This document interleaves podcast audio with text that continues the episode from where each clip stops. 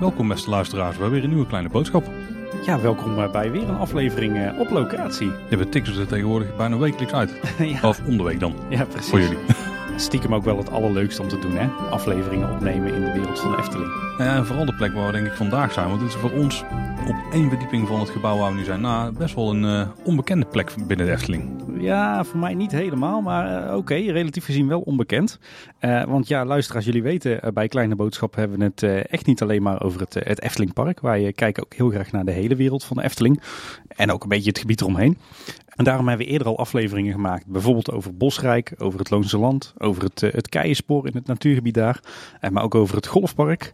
En ja, dan resteert er eigenlijk nog maar één belangrijk onderdeel van de wereld van de Efteling.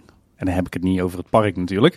Eh, wat we nog niet hebben besproken in Kleine Boodschap. En dat is, Paul, Het Efteling Hotel. kijk. En dat is eh, waar we vandaag zijn. Eh, we zitten nu in de gelachkamer. We krijgen straks een, een rondleiding van Sven Olree van het Efteling Hotel. Maar eerst zitten we nog even samen gezellig aan de koffie te genieten in nou, toch wel een van onze favoriete plekjes in de wereld van de Efteling. Ja, zoals we deze onderwerpen eigenlijk altijd aftrappen, Tim, zullen we eens gewoon naar de geschiedenis gaan kijken van het Efteling Hotel. Dat lijkt me een, een heel goed plan. Ja, dit is natuurlijk de allereerste verblijfsaccommodatie van de Efteling. Nou, dat zeggen we verkeerd. In ieder geval de allereerste moderne verblijfsaccommodatie van de Efteling. Ja, jij doelt waarschijnlijk eh, op eh, bungalowpark Het Kraanven. Uiteraard, in eh, de begin jaren 60 werd geopend. Maar als we kijken naar, eh, naar het heden, naar de verblijfsaccommodaties die er nu nog zijn, dan is het Efteling Hotel inderdaad de allereerste vorm van verblijfsaccommodatie in de wereld van Efteling. Ja, want Efteling die is natuurlijk nu bezig met de wereld van Efteling. En dan met de visie voor 2030. Maar de Efteling die is er al decennia mee bezig met, eh, met de wereld van de Efteling en die verder te ontwikkelen. En eh, in 1988 toen waren ze ook daar weer plannen voor aan het maken. En toen werd er al gesproken over een hotel met ongeveer 100 kamers. En die zou bij het uitgaanscentrum moeten komen te liggen. Ja, op eh, ongeveer de plek waar nu het, het Efteling Theater ligt. En daar zou dan ja, dus een uitgaanscentrum komen met onder meer een subtropisch zwemparadijs, maar ook het, het allereerste hotel. Ja, het leek er op een gegeven moment wel op dat de wereld van de Efteling het totaalplan nog wel wat op zich kon laten wachten. Eh, en ze wilden toch wel die ontwikkelingen voor dit hotel wel versnellen. En er zou ook een Van der Valk hier in de buurt komen. En ook dat eh, zorgde wel voor dat er wel vaart achter moest komen.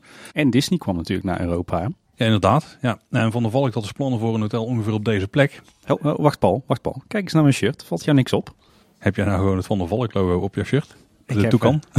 Ik heb inderdaad eh, speciaal voor de gelegenheid een, eh, een polo shirt met toekans eh, aangetrokken. Ja. Ja, lijkt wel heel veel op de Van der Valk toekan. Ja, misschien moet ik hem niet aandoen als ik een keer bij Van der Valk ga eten. Maar eh, ik denk, eh, laat ik eens eh, toepasselijk doen.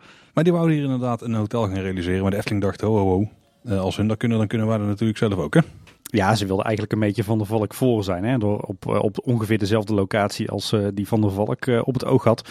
Om daar het Efteling Hotel te bouwen. En volgens mij had de Efteling voor de gemeente ook wel de voorkeur boven Van der Valk hoor. Uiteindelijk was het Paul Beck die pakte de plannen op. Die was natuurlijk vanaf begin jaren 90 de algemeen directeur van de Efteling. En hij stelde een team samen. En dat team dat ging aan de slag onder de werktitel Hotel door Roosje. En dat werd later Hotel de Efteling.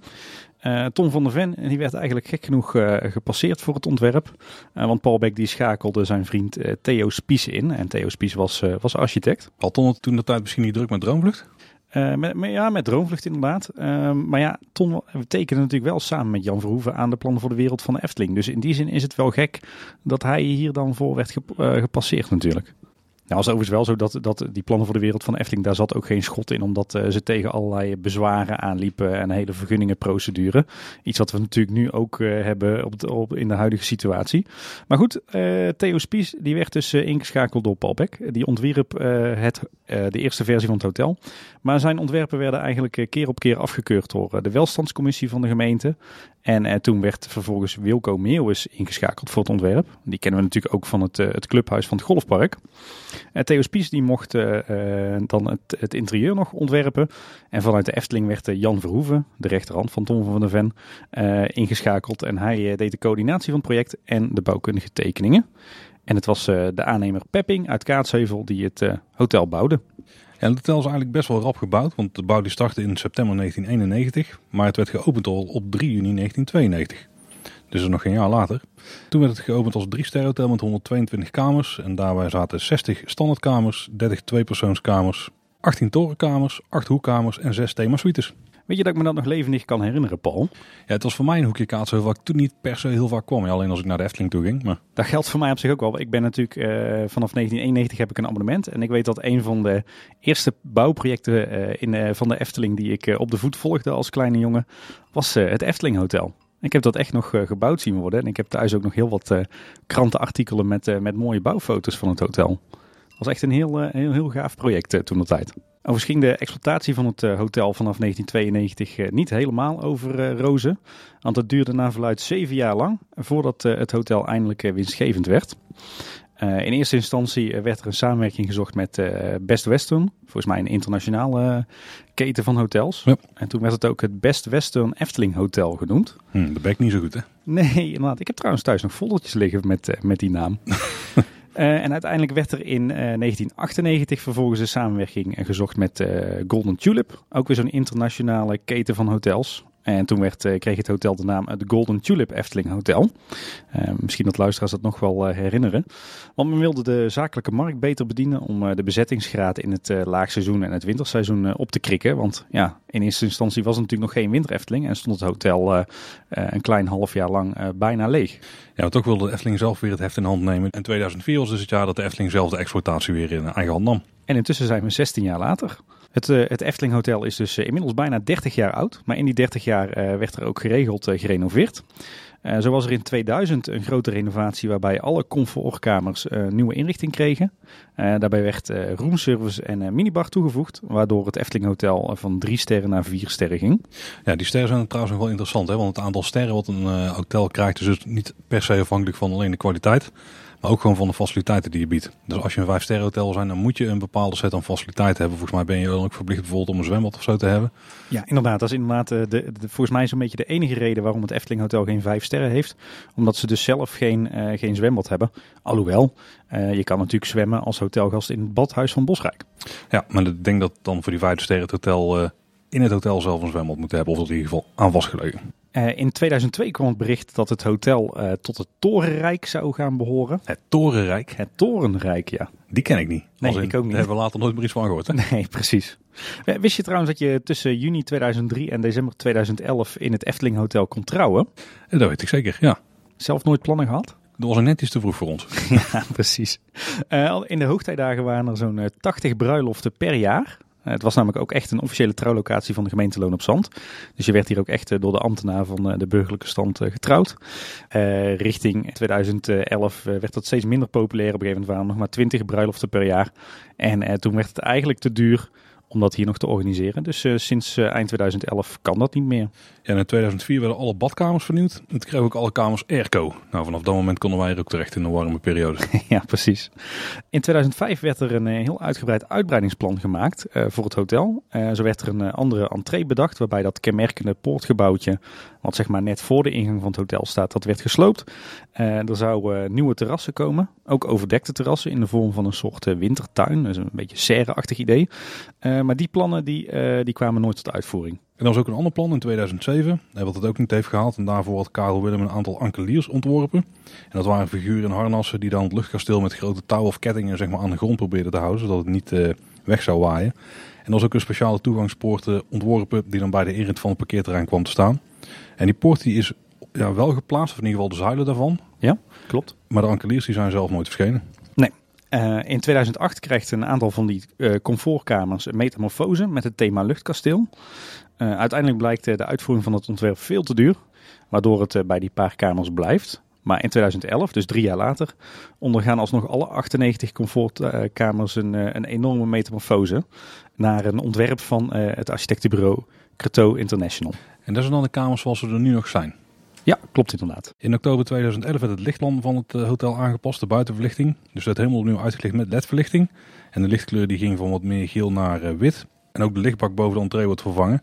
En uh, nu staat er voortaan Efteling Hotel in plaats van Efteling Hotel Kaatsheuvel zoals in het verleden. Dat is in een notendop de geschiedenis van het hotel. Eigenlijk voor een Efteling verblijfsaccommodatie best al wel een, een, een reurige geschiedenis. Hè? Het, het, hotel bestaat ook al bijna 30 jaar. Nog even wat uh, facts en figures. Het hotel heeft 122 kamers, um, verdeeld over acht verdiepingen. Daarvan zijn er een kleine 20 themasuites en in totaal 457 bedden. Eh, van die 122 kamers zijn er 44 comfortkamers met uh, familiebedden. 24 kamers voor 5 personen. 30 tweepersoonskamers. En zoals gezegd ongeveer 20 themasuites. zullen de themasuites dus snel even langslopen? Ja, ik geloof dat het ook ooit nog ergens een keer een quizvraag was, toch? Volgens mij bij de Team Talk Pub Quiz. En toen kwamen eigenlijk niet zo heel ver. Maar we gaan het nu goed doen, want we hebben een lijstje. En we hebben themasuites in de volgende thema's. Assenpoester, de carousel, circus. Hey, circus. Zou dat een voorproefje zijn van uh, wat we gaan zien in, uh, de in Strookrijk, in de uitbreiding van het reizen? Misschien moeten we daar gaan spieken om eens te kijken wat er mogelijk kan gaan verschijnen. Ja, precies. Coca-Cola is nog een thema, Door een Roosje. De Excellent Suite heb je ook nog. Fata Morgana, een Hans Christian Andersen suite. Hans en Grietje, Koningssuite. Dat is niet uh, echt een specifiek Efteling thema. Lave, Pardoes, Ravelijn, Rood Kapje, Sneeuwwitje, Sprookjesboom. Je hebt ook de Vergulde suite, klinkt ook heel luxe. Vliegende Hollander is nog het thema, Wolf en Zeven Gaatjes.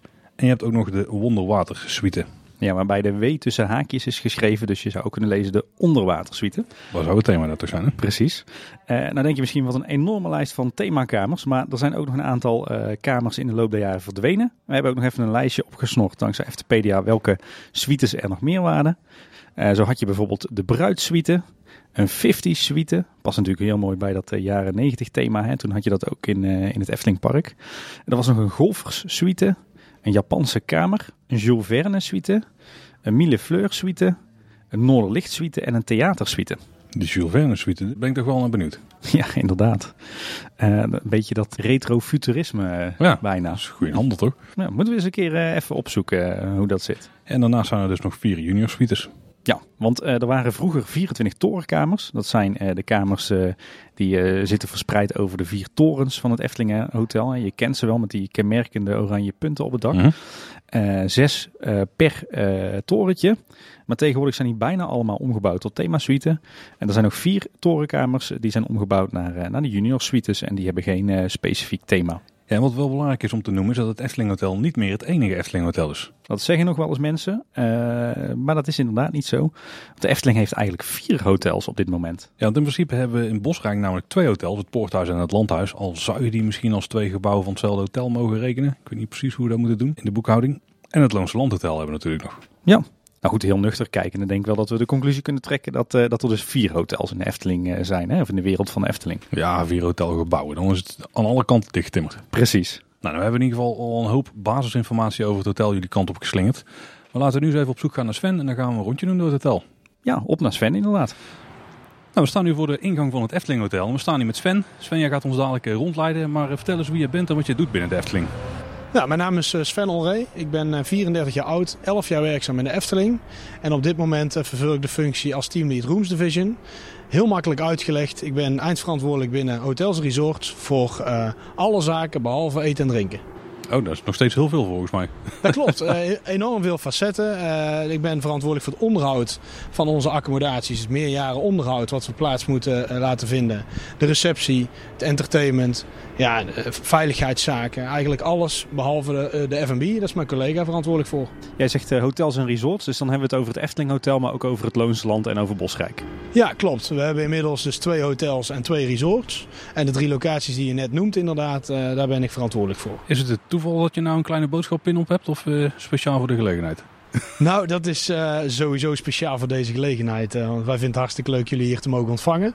Um, maar ja, een echte Efteling-ambassadeur, die, ja, daar ben ik tot bekroond zeg maar, door een collega. Dus een soort interne betovering, kun je het wel zeggen. Ah, dus iedereen die we met die pin zien lopen, die is Efteling-ambassadeur?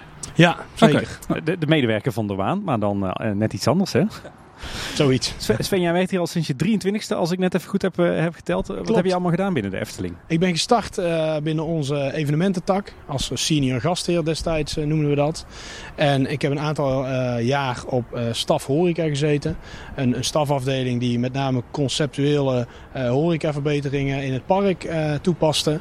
En nieuwe ehm, restaurants heeft mogen begeleiden. Denk aan Polles Keuken, de Casa Caracol, wel bekend voor jullie. Ja. Dat waren projecten waar ik nauw betrokken bij was. En daarna ben ik um, van uh, Ravelijn weliswaar uh, teruggegaan het park in. Want ik wilde toch dichter bij het vuur zitten. En toen ben ik een aantal jaren leidinggevende geweest van Station de Oost. En zo weer leidinggevende naar uh, evenementen. Heb ik drie jaar geleden het Loonse Land op mogen zetten als tweede resort, inclusief hotel. En nu dus sinds een aantal jaar verantwoordelijk voor deze afdeling. Kijk, je hebt zo'n beetje de hele wereld van de Efteling wel gezien qua werk. Ja, inderdaad. Heel erg leuk, variërend, maar vooral um, een bijdrage geleverd aan mijn persoonlijke ontwikkeling. Hey, we staan hier voor het, het Efteling Hotel. Uh, kan je ons wat meer vertellen over dit hotel? Ja, nou goed. Um, ik kan jullie enorm veel vertellen over dit hotel. De vraag is of het dan past in, uh, in uh, de minuten, uren die we hebben. Wij hebben uren, dus en jullie, en jullie weten ook enorm veel van het hotel. Want daar ga ik natuurlijk niet daar kan ik niet aan tippen. Maar het is inderdaad gebouwd in 1992. En een icoon voor veel uh, gasten die hier al vele malen hebben uh, geslapen. Maar ook zeker als je kijkt naar de, de, weg die hier uh, langs loopt. Want iedereen herkent de oranjekleurige torens. Het, het luchtkasteel vol verhalen wat, waar hier al sinds 1992 herinneringen worden gemaakt. En we staan inderdaad voor de entree. Het blijft imposant als je hier aankomt. Zeker als klein kindje die voor de grote entree staat bij het Efteling Hotel. En eigenlijk meerdere dagen het park mag bezoeken. Het hotel kent 122 kamers. Waarvan 98 comfortkamers in diverse uh, aantal uh, bedvariaties. 4 junior suites en 18 thema suites. En die gaan we straks ook nog even uh, enkele bezoeken. Ik kan het zeggen alle 18, maar dat, dat zit er niet in van, vanmiddag. En vroeger hadden jullie toch ook nog speciale torenkamers? Ja, torenkamers inderdaad. En uh, je kunt de, de thema-suites waar ik het net over had, die zitten in de torens. Dat zijn de kamers met de meeste oppervlakte en waar we dus ook een thema in hebben gegeven. Daar zitten overigens ook de junior suites in. Dus je kunt eigenlijk wel stellen in het gebouw wat vier torens kent, dat in de torens de exclusieve uh, themakamers zitten. Hey, we, we, staan hier nu op een, uh, een doordeweekse dag. Uh, wat is nou een beetje de bezettingsgraad zo van het hotel? Nou, op dit moment in begin september is de bezettingsgraad tussen de 30 en de 40 procent door de week. En in het weekend gelukkig bereiken we de 90 tot 100 procent. Want we zien de weekend in september in de aanloop naar de herfstvakantie. Die zijn uh, voor het Efteling Hotel uh, ook hartstikke goed. En in de herfstvakantie, afhankelijk van uh, de buitenlandse vakanties, zitten we ook nou, erg volgeboekt. Als we dit opnemen, zitten we nog midden in de coronacrisis. Ehm, hopelijk, als de mensen luisteren, dat we er langzaam maar zeker een beetje, een beetje vanaf zijn. Maar heeft, heeft die ook nog invloed gehad op de bezettingsgraad? Nou, wat je, wat je ziet is dat onze bezettingsgraad gelukkig dit hoogseizoen... Um, nou ja, het, hetzelfde heeft gedaan als afgelopen jaar. Oh, netjes. Maar dus we hebben ruim 100, of ja, 100% boekingen gehad. Alleen wat je ziet is dat uh, de momenten waarin uh, onze uh, zuiderburen nieuws krijgen of wij nieuws krijgen, de persconferenties op dinsdagavond wel bekend, dat je ziet in de aanloop daar naartoe en wat er speelt daar naartoe, is dat mensen wachten met boeken. Dus je ziet boekingspatronen wijzigen, maar nog niet zozeer in um, bezettingsgraad effect hebben. Dus wat we nu voor het naseizoen al kunnen stellen, is iedereen is een beetje in afwachting. Waar gaan die ontwikkelingen naartoe?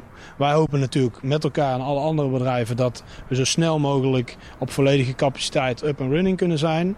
En daardoor zie je dat mensen wat langer wachten met boeken in plaats van ver vooruit plannen. Dat, dat effect heeft het zeker. Ja. Ja, zeker omdat die buitenlandse gasten natuurlijk eh, niet weten wat de reisadviezen zijn vanuit het land waar ze zelf vandaan komen, deze kant op. Ja, ja en die wijzigen soms lokaal. Jullie kennen het ook. We krijgen een advies eh, vanuit Brabant wel of niet naar bepaalde provincies te reizen. Uh, Amsterdam heeft wat adviezen gehad. Nou, en dat geldt dus ook voor onze Belgen en Duitse gasten. En die, uh, die zijn ook heel erg belangrijk voor de Efteling. Het hotel heeft dus een hoop kamers, maar er is nog meer te doen in het hotel dan alleen maar dat je hier kunt slapen. Zeker, zeker. Want je ziet natuurlijk om uh, een meerdaags verblijf te hebben waarin je die onderdompeling van de Efteling kunt ervaren. Ja, daar heb je natuurlijk facetten um, naast het slapen en het, het unieke park. Moet je natuurlijk goed kunnen eten ook op een manier kunnen ontspannen als het park gesloten is. Want uh, we zitten nu in de periode dat door de week het park uh, rond etenstijd sluit. Dan kun je in het park nog lekker eten, dat, dat zeker. Maar die voorzieningen hebben wij gelukkig ook. En we hebben voldoende capaciteit om onze gasten dus hier ook te herbergen. En in het hotel hebben we een variatie van bar, de gelachkamer, lopen we zo naartoe. Um, en vervolgens ook de hoffelijke heruit, een à la carte... Uh, restaurant. En we hebben nog mogelijkheden tot een buffetrestaurant. En dat is wel een beetje afhankelijk van de bezetting die we hebben. ehm, of we dat open doen of niet. Want je kunt je voorstellen, met 30, 40 procent bezetting, dan doe je niet alles open. Dat is ook niet gezellig voor de gasten. Want het gaat tenslotte wel om die totaalbeleving die we willen bieden. En wat is er verder nog voor vermaak te, te vinden in het hotel, s'avonds, op het moment dat de mensen terugkomen vanuit het park? Bedoel je normaliter of op dit moment? Überhaupt eigenlijk. Er is inderdaad een beetje een verschil met wat we, uh, ja, waar vele bedrijven en wij dus ook nu mee te maken hebben. Wellicht bekend bij jullie is de Caro uh, Theatershow, een internationale theatershow. Zeer geliefd bij onze gasten. Um, ook hoog gewaardeerd. Ja, die hebben we op dit moment, kunnen we die helaas niet aanbieden. En een aantal zaken met entertainment is lastig. Want onze, ons icoon binnen hotels en resorts, Klaas Vaak, um, die dus verhalen aan kinderen vertelt voor het slapen gaan. Ja, dat is, is nu erg lastig, omdat daar veel kinderen op afkomen ouders daarbij uh, uh, betrokken zijn en de anderhalve meter afstand dan lastig te waarborgen ja. is. Zeker in een locatie als deze. Want je ziet de lobby, die is beperkt.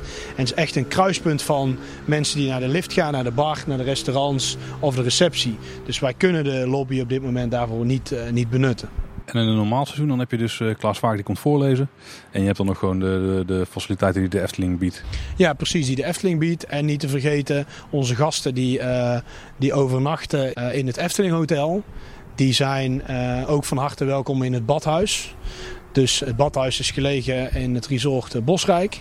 En daar kun je dus lekker s'avonds nog een, uh, nou ja, met je gezin even lekker bubbelen of het zwembad in. Wat uh, ook vaak als erg fijn wordt ervaren. Hebben jullie dan ook een, een, transportmiddel tussen aanhalingstekens tussen het hotel en bijvoorbeeld het, theater voor Caro of Bosrijk voor het badhuis? Ja, wij hebben zeker transportmiddel. Uh, dat is uh, onze trein op zonnecellen. Die rijdt vooral tussen de resorts en, uh, en het park. Als er s'avonds een theatershow is, dan zorgen wij natuurlijk dat we dat faciliteren. Omdat het, ja, je kent dus de, hoe een dag eindigt voor kinderen die heel actief zijn geweest in de Efteling. Ja, die slapen uur. Nukkig, ja. Dus wij brengen die inderdaad naar een resort. En als gasten bijvoorbeeld vanuit het hotel vragen, ik zou graag naar het badhuis willen. Nou, wij zijn zo gastgericht dat wij zeggen, nou dan komen we u wel even ophalen en brengen we u. Zeker in tijden dat dat, dat, dat gewoon uh, mogelijk is. Dus, ja, we, hadden het al over het Loonse Land en Bosrijk en het Efteling Hotel. Uh, als je die drie naast elkaar zet, is het hotel een beetje de, de meest luxe optie, hè? Qua hotel zeker, want we hebben twee hotels en twee resorts. Hotel kenmerkt zich vaak in sterren. Nou ja, dat, dat is een beetje achterhaald, hè, want de meeste gasten volgen Zoever of andere zaken waar we ze beoordelingen en recensies kunnen le lezen. Maar als we het wegzetten in de markt, is qua service, service level is het hotel, vergeleken met Loonse Land 4 sterren, Loonse Land 3 sterren. En dat zie je dus in faciliteiten terug en in ook keuzes in de kamer die je terug hebt, dus ook in prijs. Als je het vergelijkt met Bosrijk en Loonse Land, dan zou je diezelfde vergelijking ook kunnen trekken met Bosrijk is qua service level 4 sterren en uh, Land is 3 sterren. Omdat wij als, als belangrijkste, of een van de belangrijkste pijlers in onze visie hebben, is dat het mogelijk moet zijn voor iedereen um, na ooit een aantal dagen in de Efteling uh, te zijn geweest. En dan moet je dus ook rekening houden met je, met je positioneringen, je proposities van je hotels en resorts. En, en doet dat nou nog wat met, met, met de doelgroep, met de, de typische mensen die je ziet in het Efteling Hotel, de typische mensen in Bosrijk, typische gasten in, in Loonse Land? Zit er nog verschil tussen? Uh, ja, daar zit zeker verschil tussen. Het zijn duidelijke keuzes die men kan maken. Dus waar de behoefte ligt, maakt men een keuze. Maar waar je wel een, uh, uh, verschil, duidelijk verschil in ziet, is de internationale gast zoekt het vaker in een hotel omdat ze daar bij reservering het diner al kunnen regelen en eigenlijk vast kunnen leggen wat kunnen zij daar allemaal doen. De Nederlandse gast die zoekt het toch meer in een huis, of in, in welke vorm dan ook, om zelf te kunnen koken, om wat vrijer te bewegen gedurende die twee, drie dagen dat ze hier zijn. Dus zo zien we wel duidelijk dat over het algemeen de internationale gast een hotelvoorziening uh, boekt. Uh, je zei net dat er dus verschillende kamers zijn. We hebben de comfortkamers en uh, de, de, kamers in torentjes. Maar hoeveel personen kunnen nou gemiddeld op een kamer slapen? Of hoeveel personen bieden jullie kamers aan? Ja, een, een diversiteit aan personen per kamer. Twee personen tot vijf personen zijn ehm, in de kamers, of het aantal bedden is daarin aanwezig. En mocht er een zesde persoon zijn, hebben we in een aantal kamers de mogelijkheid om een bed bij te plaatsen. Voor, ja, om, om dan die zesde persoon te doen. Hij heeft niet mijn voorkeur ook, onze voorkeur. Want je wil Ehm, iedereen die slaapt binnen de Efteling moet hetzelfde comfort en beleving uh, bieden. Uh, en je ziet ja, vanaf de bouw en de ontwikkelingen die we nu hebben, dat we veel meer ons focussen op drie, vijf persoonskamers. Omdat een gezin echt andere samenstellingen heeft dan vroeger. Uh, en in dit hotel, waarin zakelijke uh, echt de zakelijke markt niet zo in trek is, de tweepersoonskamers uh, kamers eigenlijk ook het minst verkocht worden. Oké, okay. dus die ontwikkeling, die, die, als ik hier uh, zaken ga investeren, dan nemen we altijd eerst mee van oké, okay, um, we kunnen één op één zaken vervangen. Maar het is altijd goed om even te kijken van nou, wat vraagt onze gast nu? Welke feedback krijgen we nu? Zodat we het product continu kunnen blijven verbeteren. Want ik zou dan intuïtief denken dat Bosrijk en het Loonse Land misschien juist meer de gezinsopties zijn. Maar het hotel hier is ook gewoon een prima gezinsoptie. Ja, eigenlijk kun je zeggen dat een bezoek aan de Efteling, uh, de extended family zoals wij die noemen. Dus het gezin en wellicht met opa en of uh, oma. Um, dat is eigenlijk de drie generaties zeg maar, die bezoeken de Efteling. En soms in uh, um, ja, ouders met een heel jong kind, waarbij je dus op een kleinere kamer uh, met elkaar kan uh, slapen. Of juist een speciale gelegenheid met heel de familie in een boshoeve van 12 personen. Zodat dat, ja, dat, dat die verbinding en die, die bindingen met de familie ook, uh, ja, ook echt zo voelt om bij elkaar te zijn. Ja, dat is wel lastiger op een 12 of op een kamertje met 12 personen. Nou, in, in een boshoeve hebben we zes, zes slaapkamers. En ja, je moet je eigenlijk voorstellen als je in Bosrijk bent en je bent dus met heel je familie, dat je s ochtends aan een 12 persoons uh, uh, tafel zit te ontbijten. En dan heb je je bezorgontbijt. Um, is geleverd, is aan de klink gehangen. En je wordt ochtends wakker en je zit dus met heel je familie daar te ontbijten. Dat geeft natuurlijk wel een heel speciaal gevoel. En in het Efteling Hotel, in een themakamer, geboekt met welke samenstelling dan ook.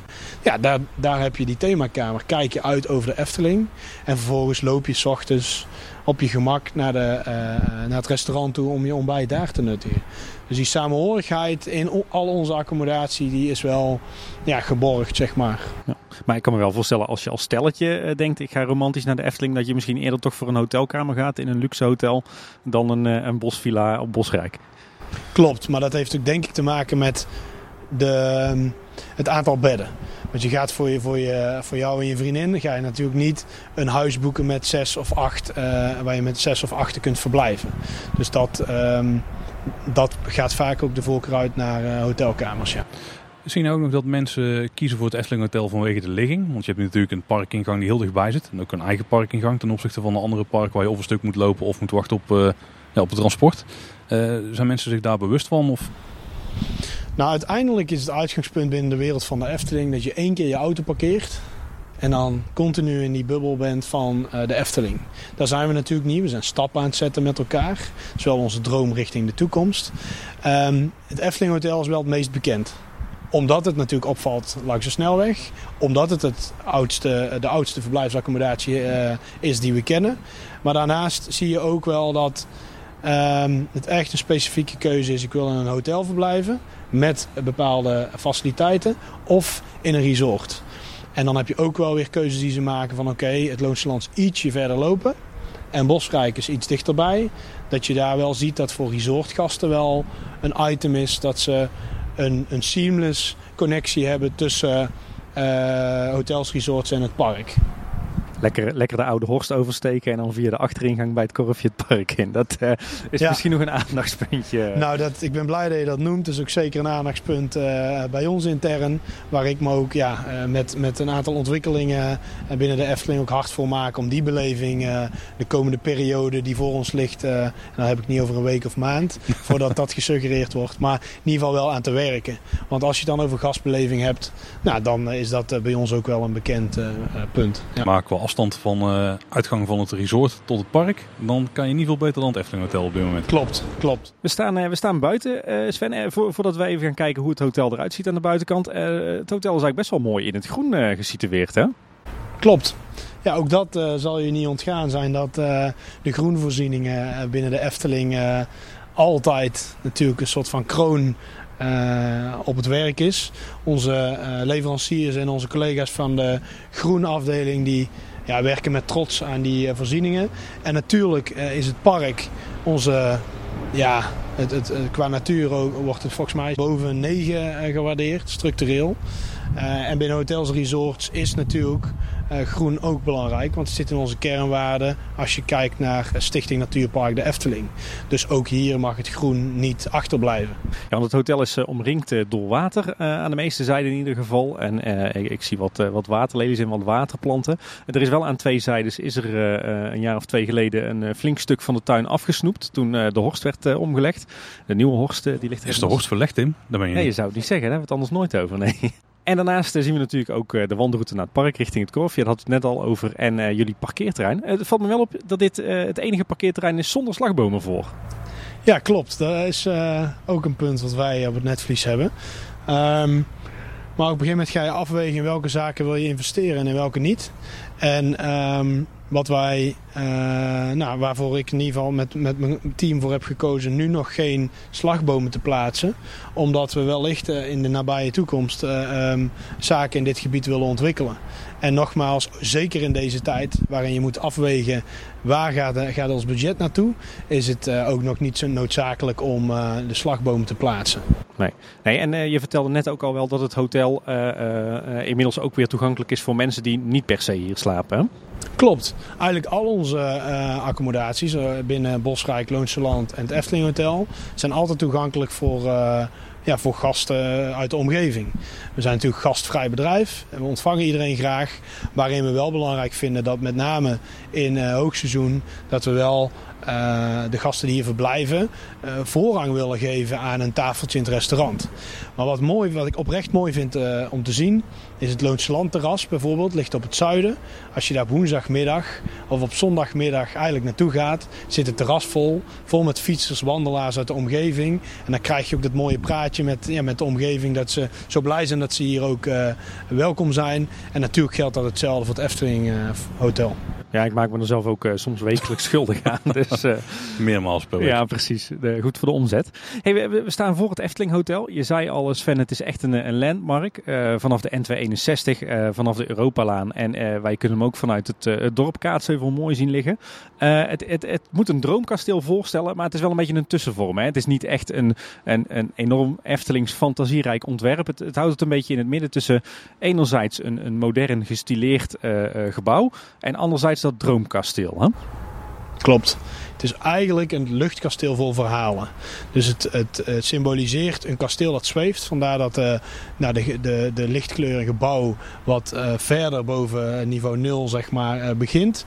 Waarbij het oorspronkelijke ontwerp eromheen ook figuren stonden die met kettingen het gebouw vasthielden. Zodat het niet van zijn plek af, af kon gaan. Zeg maar.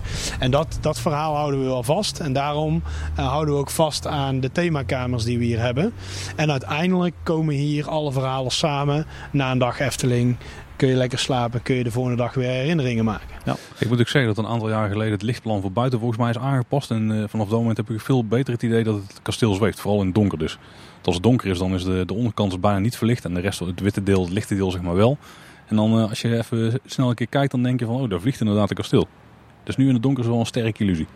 Ja, nou sowieso. Het, het Efteling Hotel is een ontwerp van uh, Wilco Meeuwis. We zeiden het al in, uh, in de inleiding van uh, deze aflevering. En het is ook wel slim gedaan. Hè? Want als je kijkt naar zeg maar de, de bovenbouw, om het zo maar te noemen. Dan is de basis toch wel zijn de, de vier torens. die uitgevoerd zijn in een beetje zandkleurige baksteen en lichtgeel prefab uh, en daartussen uh, zit zeg maar ja, eigenlijk het kasteel met uh, de grote ruiten. Ook weer van die mooie prefab elementjes. Een beetje in, ja wat is het, lelievorm zou je bijna kunnen zeggen. dat is echt dat kenmerkende beeld van het hotel. Met als bekroning bovenop die vier oranje-rode torens. Maar het onderste gedeelte, wat je eigenlijk niet zou moeten zien hè, als het een luchtkasteel uh, zou zijn, uh, dat heeft hij wel heel slim aangepakt, de architect. Want dat is uitgevoerd, uh, zeg maar de eerste verdieping in een soort spiegelglas. En de begane grond is eigenlijk helemaal uitgevoerd in, in een donker antracietkleurige baksteen. Die inmiddels helemaal met, met hedra, met klimplanten begroeid is. Waardoor het inderdaad echt wegvalt en lijkt alsof het echt een nou ja, bijna zwevend luchtkasteel is. Ja. In het donker. Ja, of je moet door je oogharen heen kijken. Je moet het wel willen zien, hè, Paul? Ja, dat klopt, dat klopt. Hey, zullen we eens naar binnen gaan? Ja, prima. Ik ga voor jullie. Ja, we lopen nou trouwens tussen het terras door. Dit is het terras van een gelachkamer, denk ik, hè? Ja, dit is inderdaad het uh, terras uh, voor onze hotelgas. En waar de, de, de gasten uit de gelachkamer ook gewoon lekker kunnen zitten. Omdat mensen het toch wel prettig vinden naar buiten of buiten te kunnen zitten. En we hebben aan beide zijdes ook een vlonder die het ook mogelijk maakt dat gasten ook een diner buiten kunnen nuttigen. We gaan aan de linkerzijde naar binnen. Daar hadden we het net al over, hè? dat het toch een beetje tegendraads is dan eh, bij het verkeer. Maar dat is natuurlijk zo doordacht door, uh, door mijn collega's. Omdat aan de linkerzijde van uh, de lobby hebben we ook de receptie. En tegenwoordig uh, ontvangen onze gasten hun reisbescheiden, zoals dat heet, thuis. Dus ze hoeven niet meer op aankomstdag in te checken. Betekent dat ze gelijk het Eftelingpark in kunnen. Kunnen genieten van de eerste dag park. En als ze daar dan vandaan komen, kunnen ze zo naar hun kamer toe. Dus op die manier proberen we wel verbeteringen door te voeren die de gast ontzorgt. Want een verplichting om langs de receptie te gaan voor het park in kan, is wel een beetje achterhaald, vinden wij. Ja, dit is de, de lobby van het Efteling Hotel. Eh, ik denk dat veel van onze luisteraars hier al wel eens zijn geweest. Echt denk ik eh, de, de kern, het zenuwcentrum van het hotel. Uh, wat, wat vinden we hier allemaal? Wat zien we hier allemaal, Sven? Nou, wat je hier vindt, zoals ik net buiten al had aangegeven, het is eigenlijk letterlijk de rotonde van komen en gaan. Gasten die aankomen, we hebben natuurlijk zeven dagen wissel, zeven wisseldagen. Uh, gasten die vragen hebben aan de linkerzijde voor de receptie. En we hebben ook een, um, uh, het aandenken, een kleine uh, retailwinkel waar mensen nog een, een, souvenir kunnen kopen. Of online hebben besteld, die wij dan op dag van aankomst mooi op de kussens van de kinderen het sprookjesboek kunnen leggen. Oh, dat zijn ook items die we hier doen. En dat is eigenlijk dat service level waar ik het ook over had. Aan de linkerzijde ook onze banketing. En daar uh, ons buffetrestaurant, wanneer we die bezetting hebben, dat we het open willen doen. Wat uh, ook fungeert uh, als flexibel inzetbare ruimtes. Voor wellicht een, een, vergadering of een business event. Of soms interne aangelegenheden. Hier onze werkoverleggen kunnen hier natuurlijk ook heel mooi plaatsvinden. Maar daar hebben onze gasten natuurlijk niet zoveel aan. Rechtdoor, heel makkelijk, ehm, staat ook duidelijk de lift om naar de uh, acht etages te kunnen. En een, een belangrijke, ja, normaal kinderhoek. Want natuurlijk, de Efteling speelt in op de behoeften van de kinderen. Het is ook wel eens fijn bij aankomst of uh, als we klaar zijn met eten. Nou, ga maar even lekker televisie kijken. Of Klaas Vaak komt daar dan. Mm -hmm. Dat zei ik net al, dat, dat kan helaas niet. Maar wel centraal gelegen een voorziening voor de kinderen. Uh, en vervolgens de bar, waar, we jullie, uh, ja, waar jullie het net ook al over hadden. Om ook s'avonds lekker een, een biertje te kunnen pakken. Als de kinderen liggen te slapen en opa en oma ook. Want dan kunnen dus papa en mama dus even gezellig naar de bar. Goeie, goede taakverdeling, ja. Ik zie dat de kinderen zichzelf weer ook kunnen meten voor de attracties al. Dat is wel fijn. Ja. Dat scheelt weer een hoop uh, treurige gezichten in het park. Ja, klopt. We hebben eigenlijk in samenwerking met het park... Het is wel mooi dat je dat uh, opmerkt, dank je. Normaal gezien worden kinderen pas bij de attractie gemeten. En ik zeg het ook vaak in presentaties... Als we thuis meten, thuis zijn kinderen toch iets groter. Ja. en dan staan ze bij de Python en dan meten onze medewerkers uh, de kinderen op en zijn ze gekrompen. Want dan passen ze net niet, mogen ze net niet in de attractie. Dat is natuurlijk een teleurstelling. Want het kind is teleurgesteld. Nou, hebben we allerlei mooie manieren voor om dat uh, op te lossen. Maar we dachten als we nou eens eerder gaan uh, controleren of kinderen in bepaalde attracties mogen. Dan naast de kinderhoek. Dus hier worden ze ook geenthousiasmeerd. Die staan ze in de lobby al. Oh, ik mag vandaag al in Max en Moritz. Nou, super. Daar kijken ze naar uit. En ze worden eigenlijk nou, helemaal meegenomen om die attractie in te kunnen. En we reiken dan ook bandjes uit. Oh, dat doen jullie hier al? Ja, ja. Ze kunnen hier een bandje krijgen. Dat doen ze eigenlijk pas in het park. En dan hoeven onze collega's ook niet meer te meten. En dan weten de kinderen vooraf al hoe het zit. En ze kunnen natuurlijk uitkijken naar uh, een van onze zes uh, meest gewilde attracties als het gaat om wanneer mag ik er dan eindelijk in. Ja, want zo'n bandje dat geeft aan hoe, hoe lang een kind is. Hè? Dus uh, de kleur volgens mij, of staat erop gedrukt, dat geeft aan in welke attracties je Klopt, ja. ja. Wat me opvalt als we hier in de lobby staan, in, in de andere vakantieparken, daar heerst wel Efteling-sfeer. Maar dat is toch wat meer ingetogen. hier in de lobby van het Efteling Hotel sta je wel echt in, in die Efteling-sfeer. Ik zie hier heel veel details die we ook uit het park kennen. Natuurlijk de, de zeven mijlslaars die, die buiten de fietsroute naar de Efteling aangeeft. Ik zie een, een zitmeubel, een, een lekkere bank met rood vloers met daarboven een bloemelement uit de, de oude binnenmeandering van Droomvlucht. Wat op zich ook vrij logisch is, want het Efteling Hotel werd in 92 geopend en Droomvlucht is natuurlijk ook in 92 gebouwd. Ik zie hier een ornamentje uit de, waterorgelzaal. Ik zie hier bij de toiletten een ornament uit het Carouselpaleis. En uh, boven de lift hangen uh, ook heel leuk een aantal klokken, vier. zoals je dat wel vaker in, in hotels ziet. Maar hier is wat vreemds mee aan de hand, hè? Ja, het, het luchtkasteel vol verhalen kan ik al zeggen. En je noemt er een aantal op. En hier is inderdaad wat vreemds aan de hand. Want je ziet hier vier klokken. Wel te verstaan Efteling Hotel, Assenpoester, Villa Volta en Spookslot. En allemaal andere tijden. Ik ga het niet verklappen. Maar daar daag ik een ander uit om te ontcijferen waarom die tijden. Ja, wij weten het wel, Tim, dus ze gaan ook niet verklappen. Nee, nee, blijft het, uh, we houden het uh, spannend voor, ja, voor de luisteraar. Sven, je had het net eventjes kort over banketing. Jullie hebben als hotel toch best wel veel gedaan aan, aan de zakelijke markt de afgelopen jaren? Ja, wij hebben inderdaad veel gedaan aan de zakelijke markt. We hebben natuurlijk een, een tak evenementen, waar ik ooit ook nog voor heb gewerkt. En wat je ziet is dat we zo'n divers aanbod hebben aan product. Wat de Efteling, wat wij allemaal kennen en dat kunnen we dus ook aanbieden aan de zakelijke markt. En soms is dat in de vorm uh, van nou, een, een, bedrijf dat heel graag het park bezoekt op een avond. Soms nog in combinatie met, het, uh, met uh, hotelkamers. En dat kan van, van, ja, van 10 tot 10.000 gasten.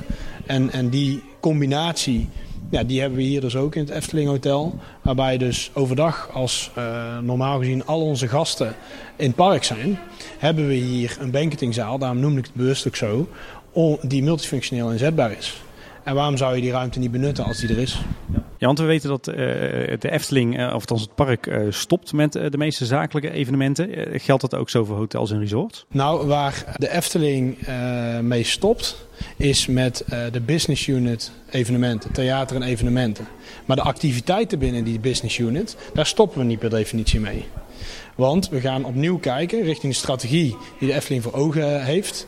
Denk aan um, de openingstijden van het park. Werd het steeds moeilijker om die combinaties op een uh, goede manier met elkaar te vinden.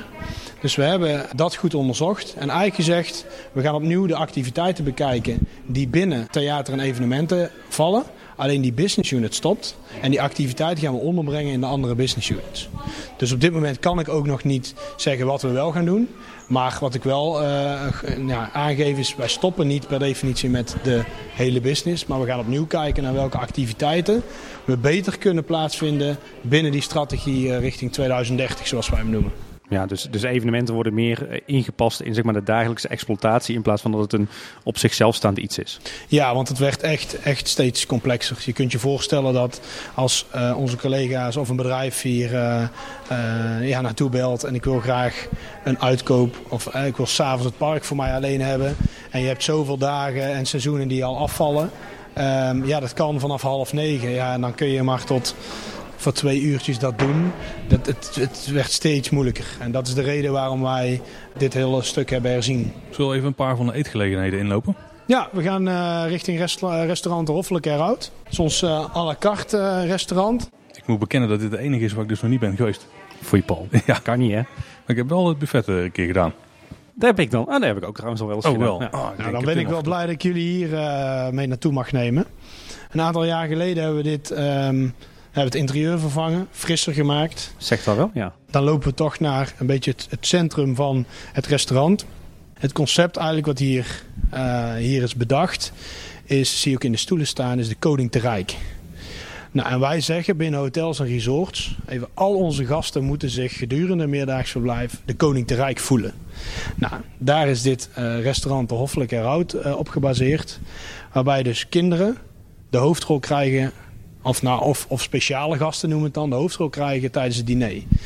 Vaak doen we dat dan. Natuurlijk kinderen of want iemand is jarig. Nou, en een kind kan dan in de grote stoel zitten, krijgt een kroon op. Want die is vanavond koning te rijk. En die wordt ook eh, zo behandeld. We deden dat met ook met, echt met klosjes. Hè? Dus dat vijf uh, mensen van de bediening dus uh, de klosje eraf haalden. En de rest van het restaurant uh, dan niet. Want dit waren speciaal te reserveren tafels. Dat is het idee. Maar we zijn inmiddels weer een aantal stappen verder. Dat we het eigenlijk niet zo prettig vonden om dat contrast zo duidelijk aanwezig te laten zijn in het restaurant. Want tenslotte, iedereen in de Efteling is VIP. Iedereen is belangrijk. En, en, dat contrast hebben we dus nu nou eigenlijk naar de achtergrond uh, gebracht. Waarbij het nu wel zaken zijn waarmee we gasten heel spontaan uh, kunnen verrassen.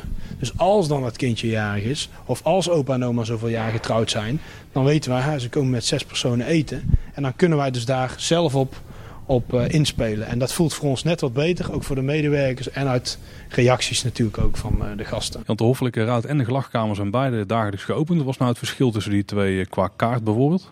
Nou, je ziet dat, uh, je ziet ook aan het bestek, hè, dit is, heeft een net wat chicere uitstraling. Maar um, hier ga je eigenlijk even rustig dineren.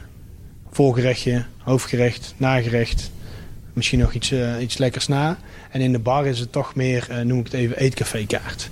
Je bestelt zeg maar een hoofdgerecht aan een bartafel.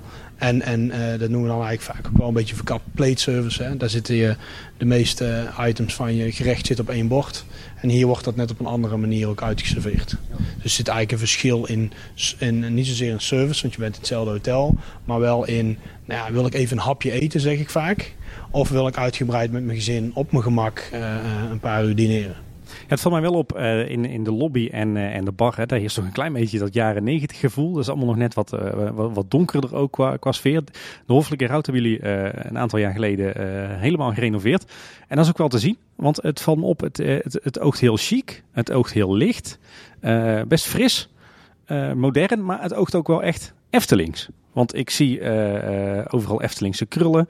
Ik zie een mooie houten vloer. een aantal echte herauten uit het park. Alhoewel er volgens mij wel een kleine aanpassing aan is gedaan als je goed oplet. Mooie witte leren banken, heel licht meubilair ook. Um, en wat hebben jullie hier? In het midden staat een soort van, ja, je zou bijna zeggen hemelbedden eigenlijk, hè, waar je onder kunt zitten. Ja, dat klopt. Dat is eigenlijk een deel van het concept wat ik net vertelde. Hè. Dat het, het maakt de plek om daar te dineren net wat specialer. En het is gerelateerd aan toch dat uh, nou ja, een stuk verblijfsaccommodatie, luchtkasteel vol verhalen. En dat we, we zoeken continu in het verhaal wat we vertellen. Niet uh, zozeer naar losstaande kleine verhalen, maar dat alles integreert. Kijk, een hoffelijk herhoud hier neerzetten. Iemand die niet um, weet dat die ook in het Sprookjesbos staan. En wat, waarvoor de hoffelijke herhouten eigenlijk zijn. Ja, die ziet hier een beeld staan. Maar wij proberen juist uh, kinderen, mensen nieuwsgierig te laten maken. Omdat wij alles wat we, waarvoor we kiezen, daar zit iets achter. En ik, ik ben eigenlijk daar soms verbaasd over hoeveel items wij kunnen verzinnen. Waar echt iets achter zit. Het mooie vind ik nog wel een voorbeeld is we slaan het behang over. Maar op het behang lopen de, uh, um, onze gasten, onze figuren uit het Sprookjesbos over het behang. En als je hier even gaat eten en even binnenkomt, zie je het niet. Maar als je hier voor de tweede keer of de derde keer komt, zie je steeds weer nieuwe details. En kun je dus blijven ontdekken. Op de, op de krullen zie je, de, de typische Eftelingse krullen, daar uh, staan inderdaad sprookjesfiguren. Ik had het nog niet eens gezien, uh, Sven. Ja, nou, ik ben blij dat ik jullie nog iets heb uh, kunnen leren vandaag. Ik, ik, zie trouwens tussendoor zie ik ook vlakken met daarin de originele Anton Pieck tekeningen van het, het Herautenplein. Ook heel mooi gedaan. Ja, dat is, past mooi bij de omgeving waarin we hier ook zitten. En het mooie is ook dat uh, onze medewerkers en als gasten daar opmerking over hebben. Ik zal niet zeggen dat iedere medewerker alles weet, want dat weet ik ook niet. Alleen je hebt wel een heel mooi aanknopingspunt om met gasten uh, te praten. En dan kun je heel makkelijk naar de dag herleiden. En dan kun je een connectie maken waardoor ze zich nog specialer voelen. En dat is wel het verschil dan uh, in slapen binnen de Efteling als slapen buiten de Efteling. En als je het restaurant binnenkomt, hebben we trouwens een paar mooie silhouetborden ook van de Raad. Eigenlijk is het hele restaurant een beetje een soort van ode aan de Maagse Kloktin. Ja, inderdaad ons favoriete plekje in, uh, in de Efteling. Dus uh, dit zou eigenlijk dan ook wel ons favoriete restaurant moeten zijn qua stijl, hè? Een van de favoriete plekjes, maar jouw favoriet volgens ja, mij. precies. Nee, het is echt een, een, een, een luxe restaurant, een bijzonder Eftelings restaurant, maar tegelijkertijd ook uh, ja, fris en modern. Ik denk dat dit, dit, dat dit een bijzonder geslaagd ontwerp is. En we moeten niet vergeten te melden dat je hier ook in, uh, bij warm weer buiten kunt zitten. Ja, precies. En normaal uh, kon je dan uh, niet naar de Nieuwe Horst en de afslag naar de Efteling kijken. Maar menig gast vindt het ook gewoon prettig om juist buiten te zitten. En gewoon weer verbaasd te zijn hoeveel, hoeveel gasten er weer onze kant op komen. En s'avonds is het ook echt heerlijk. Je zit toch op een lekkere hoek nou ja, waar je s'avonds nog lekker ook een, een borreltje kunt pakken. Dus, uh... En luisteraars van Kleine Boodschap, dit is natuurlijk de beste plek om te gaan zitten eten als je de Nieuwe Horst wil bezichtigen. nou. Toch? Ik moet zeggen, ik heb hier in het verleden verschillende keren gegeten. En het, het qua, qua uitzicht heeft het wel iets, iets ingeboet na de, de aanpak van de N261 en de Horst, ja. Maar goed. Nou, ik laat je toch nog eventjes de speelhoek zien. Mm -hmm. Nou ja, waarom laat ik hem zien? Is omdat het toch een belangrijk element is om ook kinderen te, la of, nou, te vermaken tijdens hun verblijf.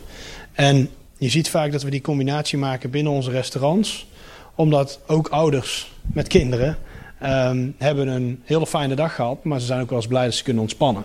Dus wat is er fijner dan um, hiernaast in de hoffelijke heroud zitten of in bar de gelachkamer tegen je kinderen kunnen zeggen, nou, ga daar maar lekker spelen.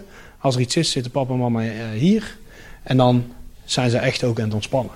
Dus wij zoeken wel naar een totale journey die ervoor zorgt dat ja, iedereen van het gezin, van onze gasten, zijn uh, ontspanning s'avonds uh, kan pakken om weer fit te zijn voor een nieuwe dag park. Ja, ja, ik kan er wel over meepraten. Ik heb uh, mijn kinderen ook weer al geregeld laten spelen. Het is eigenlijk een soort mini binnenspeeltuin met sprookjesboomthema. Klopt, ja. Hij was bij mijn kids in ieder geval de laatste paar keren bijzonder populair. Dus zeker een van toegevoegde waarde, denk ik. Dat is goed om te horen. Kijk, en dan komen we uit in mijn stamkroeg. Ja, is dit jouw stamkroeg, ja? ja? het is in ieder geval heel lang mijn stamkroeg geweest. Tegenwoordig kom ik niet veel meer in de kroeg met uh, twee kleine meisjes. Maar uh, toen dat nog wel ging, toen uh, hing ik toch behoorlijk vaak tot laat hier in de gelachkamer, ja. Want dat is waar we zijn. Nou ja, nogmaals van harte welkom. Inderdaad, Bar de Gelachkamer. Een plek die toch een andere uitstraling geeft dan de rest van het hotel. Waarbij je gedurende de hele dag, s ochtends tot s avonds, ja, smiddags moet ik zeggen, tot s avonds in ieder geval hier de gelegenheid hebt te lunchen, te dineren. En natuurlijk uh, ja, lekker te borrelen ook uh, s'avonds. Ik vind het wel uh, zelf wel een hele prettige plek. Ja, ik, ik ervaar hier altijd wel die gemoedelijkheid en die gastvrijheid om hier even lekker iets te drinken. Niet dat ik dat doe als ik aan het werk ben natuurlijk. Nou, dan kom ik hier net aan en dan zie ik jullie hier zitten en dan denk ik van ja, hier, dit is wel die plek waar dat altijd kan. En ik heb hier echt het gevoel dat je, iedereen kan hier ook altijd binnenstappen en eventjes een hapje eten of iets te drinken. Ja, dit is eigenlijk in de hele wereld van de Efteling, inclusief het Efteling Park, is het zo'n beetje de enige echte bar of kroeg of ja, hangout zou je bijna ja, klopt, kunnen zeggen. Klopt, ja. En er hangt, ja, er hangt nou ja, niet echt een tijdloos sfeertje, maar het, is wel een heel prettig sfeertje. Hè? Uh, een beetje dat bruin café gevoel, een beetje Engels-Victoriaans. Ik geloof dat Tom van de Ven was die hier nog het, het interieur heeft, heeft ontworpen. En het voelt ook wel echt Eftelings aan, hè, met uh, die kroonluchters en die kandelaars die we ook kennen uit uh, het oude Witte Paard bijvoorbeeld. Met uh, allerlei ornamentjes die een beetje dat, dat carouselsfeertje geven. Het, ja, het, het, heeft misschien een beetje, klein beetje stoffig karakter, maar het is wel heel gezellig en heel knus. En ja, echt zo'n zo'n stamcafé, zo'n bruine kroeg waar je gewoon graag even hangt met, met je vrienden. Ja, daar ga ik helemaal in mee, zeker. Het is natuurlijk wel... Kaatsheuvel is iets, net iets anders als uh, de binnenstad van Tilburg of uh, Amsterdam met de bruine cafeetjes. Maar het is wel wat je zegt, de details uh, die hier te vinden zijn, zorgen wel weer voor een uniek Efteling karakter. En als je dat prettig vindt en dan in een bar te zitten, dan is dit wel de plek waar je kunt vertoeven. Ja, en het is ook een denk ik, top 5 opnameplek van Kleine Boodschap. Ja, dat zeker. En volgens mij hebben we hem zelfs in uh, een van onze allereerste afleveringen ooit, toen we het hadden over onze favoriete plekjes, stond hij ook in, uh, in de top 5. Toen is hij ook langsgekomen. Ja, ja, precies. En het is denk ik ook geen geheim dat, uh, dat heel veel Efteling-liefhebbers en, en ook personeelsleden hier geregeld te vinden zijn om een hapje en een drankje te doen. Dus een belangrijke plek in de wereld van de Efteling. Of bekende Nederlanders, hè? dan moet je de foto's op de muur maar even checken. Ja, Oké, okay, dan uh, kunnen we naar een aantal kamers gaan uh, kijken. Dan ben ik wel benieuwd, want dat is voor mij echt een compleet nieuw stuk Efteling. Ja, voor mij is het al, uh, al heel lang geleden. Volgens mij was het 2006 dat ik hier nog geslapen heb. Voor 35 euro in de Pardoes Suite. En dan gaan we naar verdieping 8. Dan zien we jullie zo. Paul, dit is voor ons de eerste keer dat we in een bewegende lift staan. Hè? En het is niet de Twilight Zone Tower of Terror. Nou, ja, maar de Twilight Zone, tenminste een variant daarvan in de Efteling, kan nog steeds mooi zijn. Hè? Ja, precies. Maar laat dan niet deze lift zijn. Nou, we zijn inmiddels uh, per lift trap uh, op de achtste etage beland. En um, ik wil jullie graag uh, in ieder geval de Ravelijn suite laten zien. Ofwel de torenkamers waar we um, daar straks over hebben gepraat. Nou kijk, sfeertje komt meteen, meteen goed aan als je binnenkomt. Ja. Nou ja, de Ravelijn suite. Laat het maar even op jullie inwerken wat je hier allemaal ziet. Kijk, wat wij uh, doen is uh, in fases investeren wij in de themasuites die we hebben. Dus elk jaar hebben we een programma waarbij we een aantal suites um, onder handen nemen. Max 2, ligt even aan welke investering we doen. En daar heb ik met mijn collega's uh, een plan voor gemaakt voor de komende jaren. Om eigenlijk te, te kijken wat ervaren onze gasten um, in totale gastbeleving in de bepaalde suite. En in hoeverre passen die nog bij uh, de Efteling van nu? Of gaan we in de toekomst andere zaken ontwikkelen waar we dus een suite aan willen koppelen? Nou, en daarom heb ik jullie ook meegenomen naar deze suite. Ja, Ravelijn bestaat natuurlijk nog niet zo heel lang binnen de Efteling.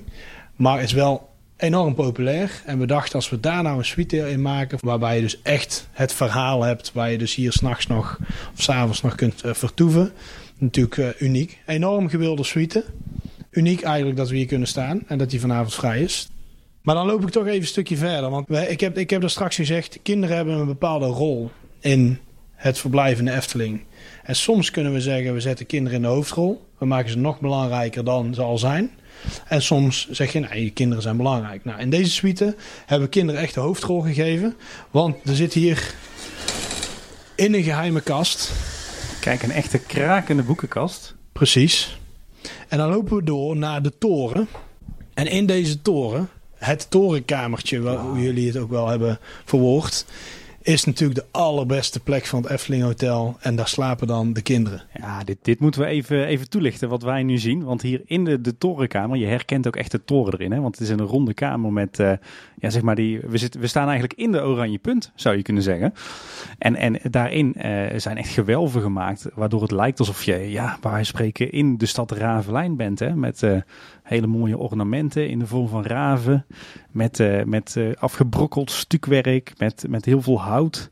Echt heel gaaf hoe hier uh, van zo'n torenkamer eigenlijk een Ravelijn-paleis is gemaakt, zou je kunnen zeggen. Nou, het is niet alleen die torenkamer, het is ook gewoon heel de kamer. Toen ik net binnenkwam, toen vond ik het al ontzettend mooi afgewerkt. Maar dit is echt, echt op zijn Eftelings afgewerkt. Dit is wel echt, echt heel mooi, ja. Dit is echt van, uh, van, uh, van vloer tot plafond 100% gethematiseerd. Uh, ook bijvoorbeeld het, het stapelbed. Het is geen gewoon IKEA stapelbedje, maar echt een, een, een stevig houten bed met ook wel allerlei ornamentuur erin die verwijst naar Ravelijn. Ik zie hier ook de, de boeken liggen over Ravelijn van Paul van Loon. Ik zie hier een, een speelgoedkist met daarin allerlei wapens en helmen voor de kinderen.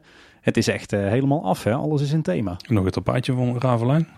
En alle ramen die hebben dan ook het uh, glas en lood wat je ook wel ziet binnen die hoofdtoren die in Ravelijn staat. En ook niet heel belangrijk, er ligt een grote spek klaar en uh, zuurstokken. Lekstokken zoals wij dan hier plaatselijk zeggen. Je kijkt uit over de Efteling. Je droomt over de Efteling en je bent in de Efteling. Dus, dus ultiemer voor de, voor de kinderen, hier wordt het niet. Ja, dat is echt fenomenaal. Je, je ziet bij heel veel parken, ook bij de Efteling natuurlijk in de andere vakantieparken, dat hè, er bewust voor wordt gekozen om verblijven altijd lichtjes te thematiseren. Zodat je toch in je verblijf een beetje losraakt van die, van die bubbel. Of het nou de Efteling bubbel is, of de Disney bubbel, of de Europa Park bubbel. Maar eigenlijk is het, het Efteling Hotel daar wel een goede uitzondering op. Want als je hier dus een themakamer hebt, zoals de Ravelijnkamer uh, waar we nu in staan, ja, dan zit je echt nog 110% in dat Efteling thema. Hè? Want uh, het is hier op zijn minst even goed afgewerkt en gethematiseerd als uh, de mooiste attracties in het park. Ja, dat is echt goed inderdaad. Ik ben er wel benieuwd. Jullie hebben allemaal verschillende themakamers. Dus iedere kamer heeft zijn eigen thema. Dus iedere kamer is ook uniek van de themakamers. Klopt. Is er bewust voor gekozen om er individuele kamers van te maken? Dus allemaal unieke kamers. En niet om bepaalde kamers die misschien populair zijn om meerdere keren terug te laten komen? Ja, daar is bewust voor gekozen. Dat, um, en misschien val ik in herhaling. Alleen dat luchtkasteel voor verhalen symboliseert ook een knipoog naar de Efteling. En de Efteling heeft ook niet één verhaal. Want elk bezoek is uniek. En elke herinnering is uniek. Er moeten altijd zaken zijn die je opnieuw wil ontdekken en ontdekt. Per toeval of waar je voor kiest. En daarom denken we, als we een Ravelijn suite hebben, zoals deze, kun je er verliefd op zijn en ik wil daar naar terug. Um, of je kunt zeggen, nou, hoe is die andere suite dan? En um, daarnaast hebben we ook gewoon te maken met doelgroepen. De doelgroep eh, die Ravelijn aanspreekt, is anders dan de doelgroep die Sprookjesboom aanspreekt. Ja. Dus kunnen um, uh, gasten die uh, met wat jongere kinderen willen verblijven en toch die themasuite willen boeken, nou, beter gaan voor een Sprookjesboom suite. En we hebben dadelijk, we gaan dadelijk naar de volgende themasuite, ook weer een kamer die misschien wat volwassener oogt. En daardoor niet per se met kinderen bezocht hoeft te worden. Maar wel ook volledig op kunt gaan in die thematisering en uh, beleving van de Efteling. Ja. Hè, heb je nou ook mensen die bij wijze van spreken uh, een soort van uh, afvinklijst hebben. Die zeggen ik wil alle themakamers van het Efteling Hotel een keer gedaan hebben? Nou, ik, ik werk hier nu 11 jaar. En ik, ik zou me verbazen als die er niet zijn. Gewaardeerde uh, Efteling-gasten die juist alles van de Efteling willen beleven. Ik heb nog niet iemand gesproken of gezien die werkelijk zo'n lijst heeft. Maar um, ik denk dat jullie ook wel kunnen nagaan als we hier zo staan. Dat je eigenlijk die andere 17 suites ook wel wil beleven en, uh, zien. Zeker. En nu, nu wel, ja. Ik moet ook zeggen, ik, eh, ik zie hier best voor me dat we dat stapelbed even wegdenken. Mooie ronde tafel eh, in het midden, eh, Paul. En dan hier gewoon de kleine boodschap eh, opnamestudio. Vaste studio, ja. En dan eh, na de aflevering eh, eindigen in de bar. Eh, Dat moet dan wel, hè. Ik ben wel heel benieuwd, want eh, ik zie dat die kamer hier die is enorm mooi afgewerkt. Eh, inderdaad op het niveau van eh, ook delen in het park. Zijn het ook dezelfde mensen die dan aan zo'n kamer meewerken? Want een normaal hotel, ja, die, die werkt zijn kamer strak af. Dus er zijn gewoon waarschijnlijk de mensen die alle hotels afgaan. Maar die heb je niet echt, hè? Mensen die hotels zo inrichten zoals dit. Nee, dit, dit zijn, en dan alle lof voor onze ontwerpafdelingen natuurlijk, die vol creativiteit zitten om een schets te maken van zo'n kamer. En samen met een projectteam eh, gaan we dan kijken, oké, welke materialen zijn dan handig in een hotelkamer? Want het is anders dan attracties. En je hebt te maken met housekeeping. Nou goed, daar heb ik ook uitdagingen in mee. Dus een, een goede balans vinden tussen materialisatie, concept en storytelling. Dat, dat is wat we met elkaar doen. En daar hebben we inderdaad onze, onze vaste eh, eh, partners slash leveranciers voor.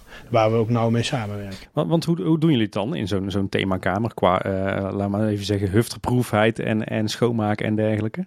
En wat, wat bedoel je dan eh, specifiek? Nou, nou, nou hebben jullie er, hè, want want dit is allemaal heel erg eh, gedetailleerd en fijn afgewerkt. Hebben jullie veel last van, eh, van eh, schades en dergelijke? Of eh, valt dat mee? Met een bezettingsgraad in, in deze kamers die boven de 90% ligt, eh, heb je te maken met enorm veel gasten per jaar die hier verblijven.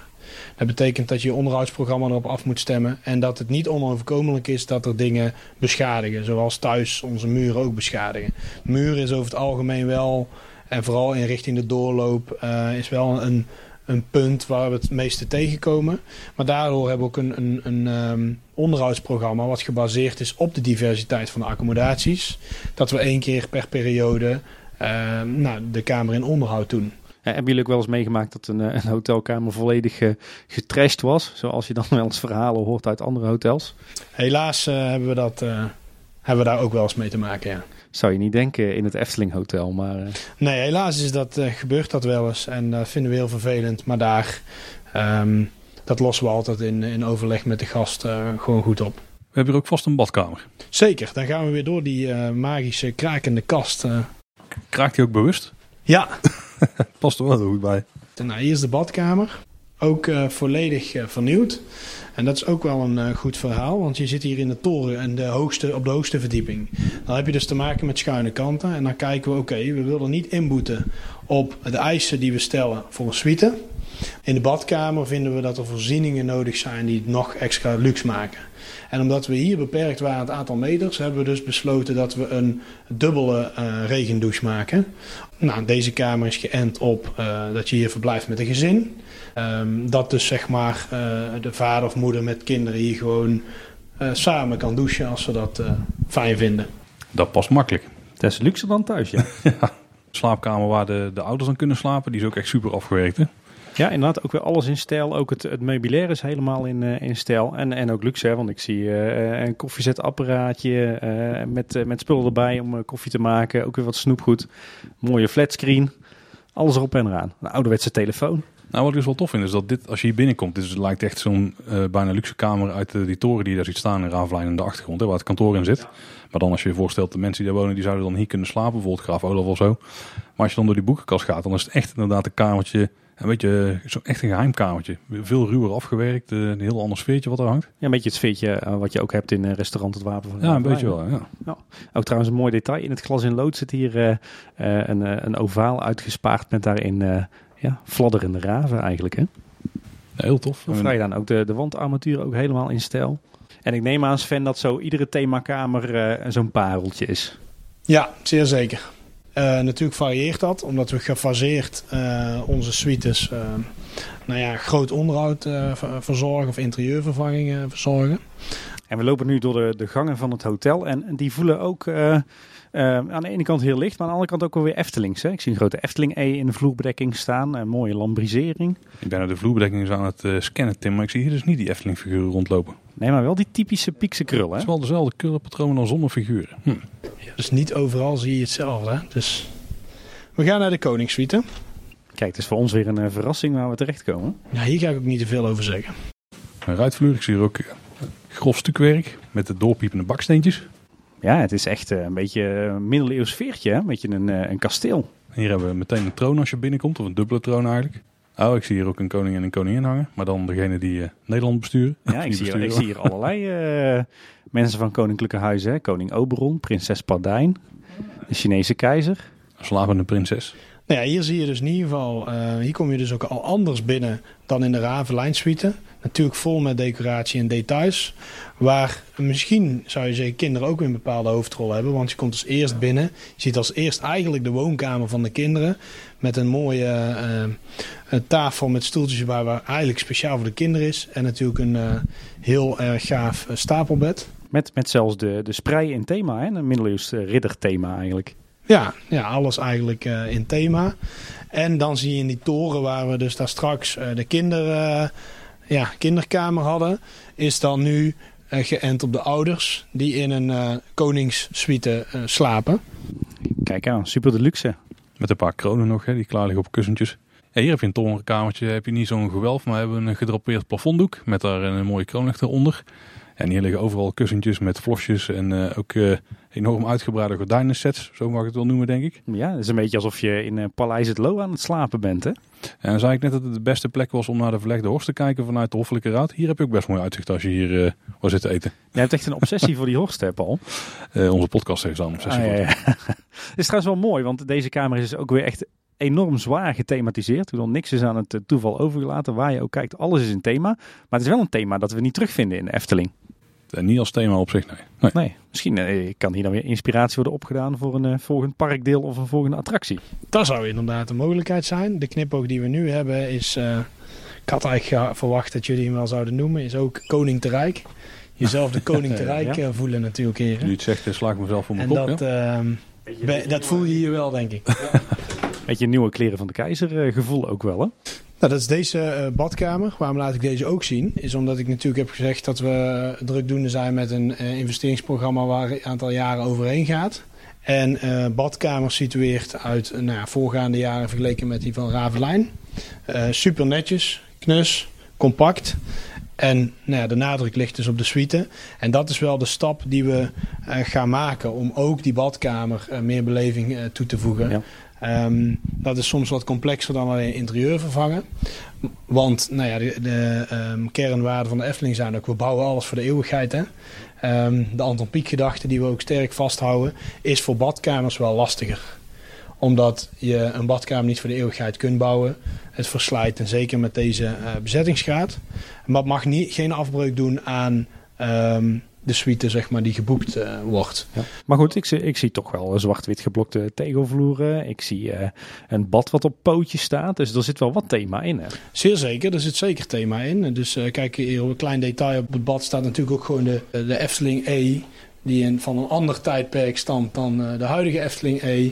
En het blijft, er blijven knipogen in thematisering terugkomen zoals jullie ook de Efteling kennen. Ja. Ik krijg toch wel zin om hier te slapen met mijn gezinnetje. Als ik zo die kamers zie. Potverdorie. Ik zit ook excuses te zoeken om een keer hier te gaan slapen. Maar... Je zou eigenlijk, net in, in Europa Park hebben ze zo'n arrangement. Hè, dat je alle, alle hotels een keertje doet. Eigenlijk zou je hier gewoon een soort arrangement moeten hebben. Dat je alle 18 themasuites uh, in een jaar kunt aftikken. In een jaar ook, ja. Ja, gewoon iedere twee weken een weekendje in een themasuite. Nou, aangekomen op de zesde verdieping. Een comfortkamer. Dat kun je natuurlijk ook ja, de andere kamer wil laten zien in type. En het verschil ook wil laten zien uh, van themakamer of comfortkamer. Ja, wat heel opvalt is dat het tapijt van de hallen loopt eigenlijk door in de kamer. Zelfde stijl. Nou, dit zijn ook wel mooie kamers hoor. Dit uh, vind ik een bijzonder mooie kamer. ja, dus zo, zo chic heb ik ze niet altijd nog uh, gehad bij de hotels die ik heb bezocht. Nou, dit zijn onze comfortkamers. Zijn, ik dacht, vijf jaar geleden in interieur gerenoveerd. Andere kleurstelling gebracht. En inderdaad nog hartstikke netjes. Waarbij we een variatie hebben. Nou, hier, dit is een double twin room. Hè. Dan, dan, maar we hebben ook de variant voor twee personen, wat ik al zei. En we hebben ook de variant met een stapelbed. En de badkamer, die, zit, die is aan die andere kant uh, gelegen. Wat ik persoonlijk het sterke vind aan deze kamer... is de details waarmee ook in deze kamers waaraan is gedacht. En ik licht dan toch een aantal dingen eruit. Is het spelelement wat we uh, eigenlijk in elke accommodatie in de Efteling wel willen hanteren. Dat kinderen de mogelijkheid hebben om toch eventjes, als ze in, op bed zitten, een spelletje kunnen doen. Dat er altijd van die momenten zijn dat natuurlijk de kinderen moeten wachten op papa en mama. Want die zijn allemaal veel te traag voordat ze naar het park kunnen. Of natuurlijk s'avonds voor het slapen gaan. Um, zo hebben we heel veel details. En hier zie je ook uh, achter de spiegel zit de televisie uh, verborgen.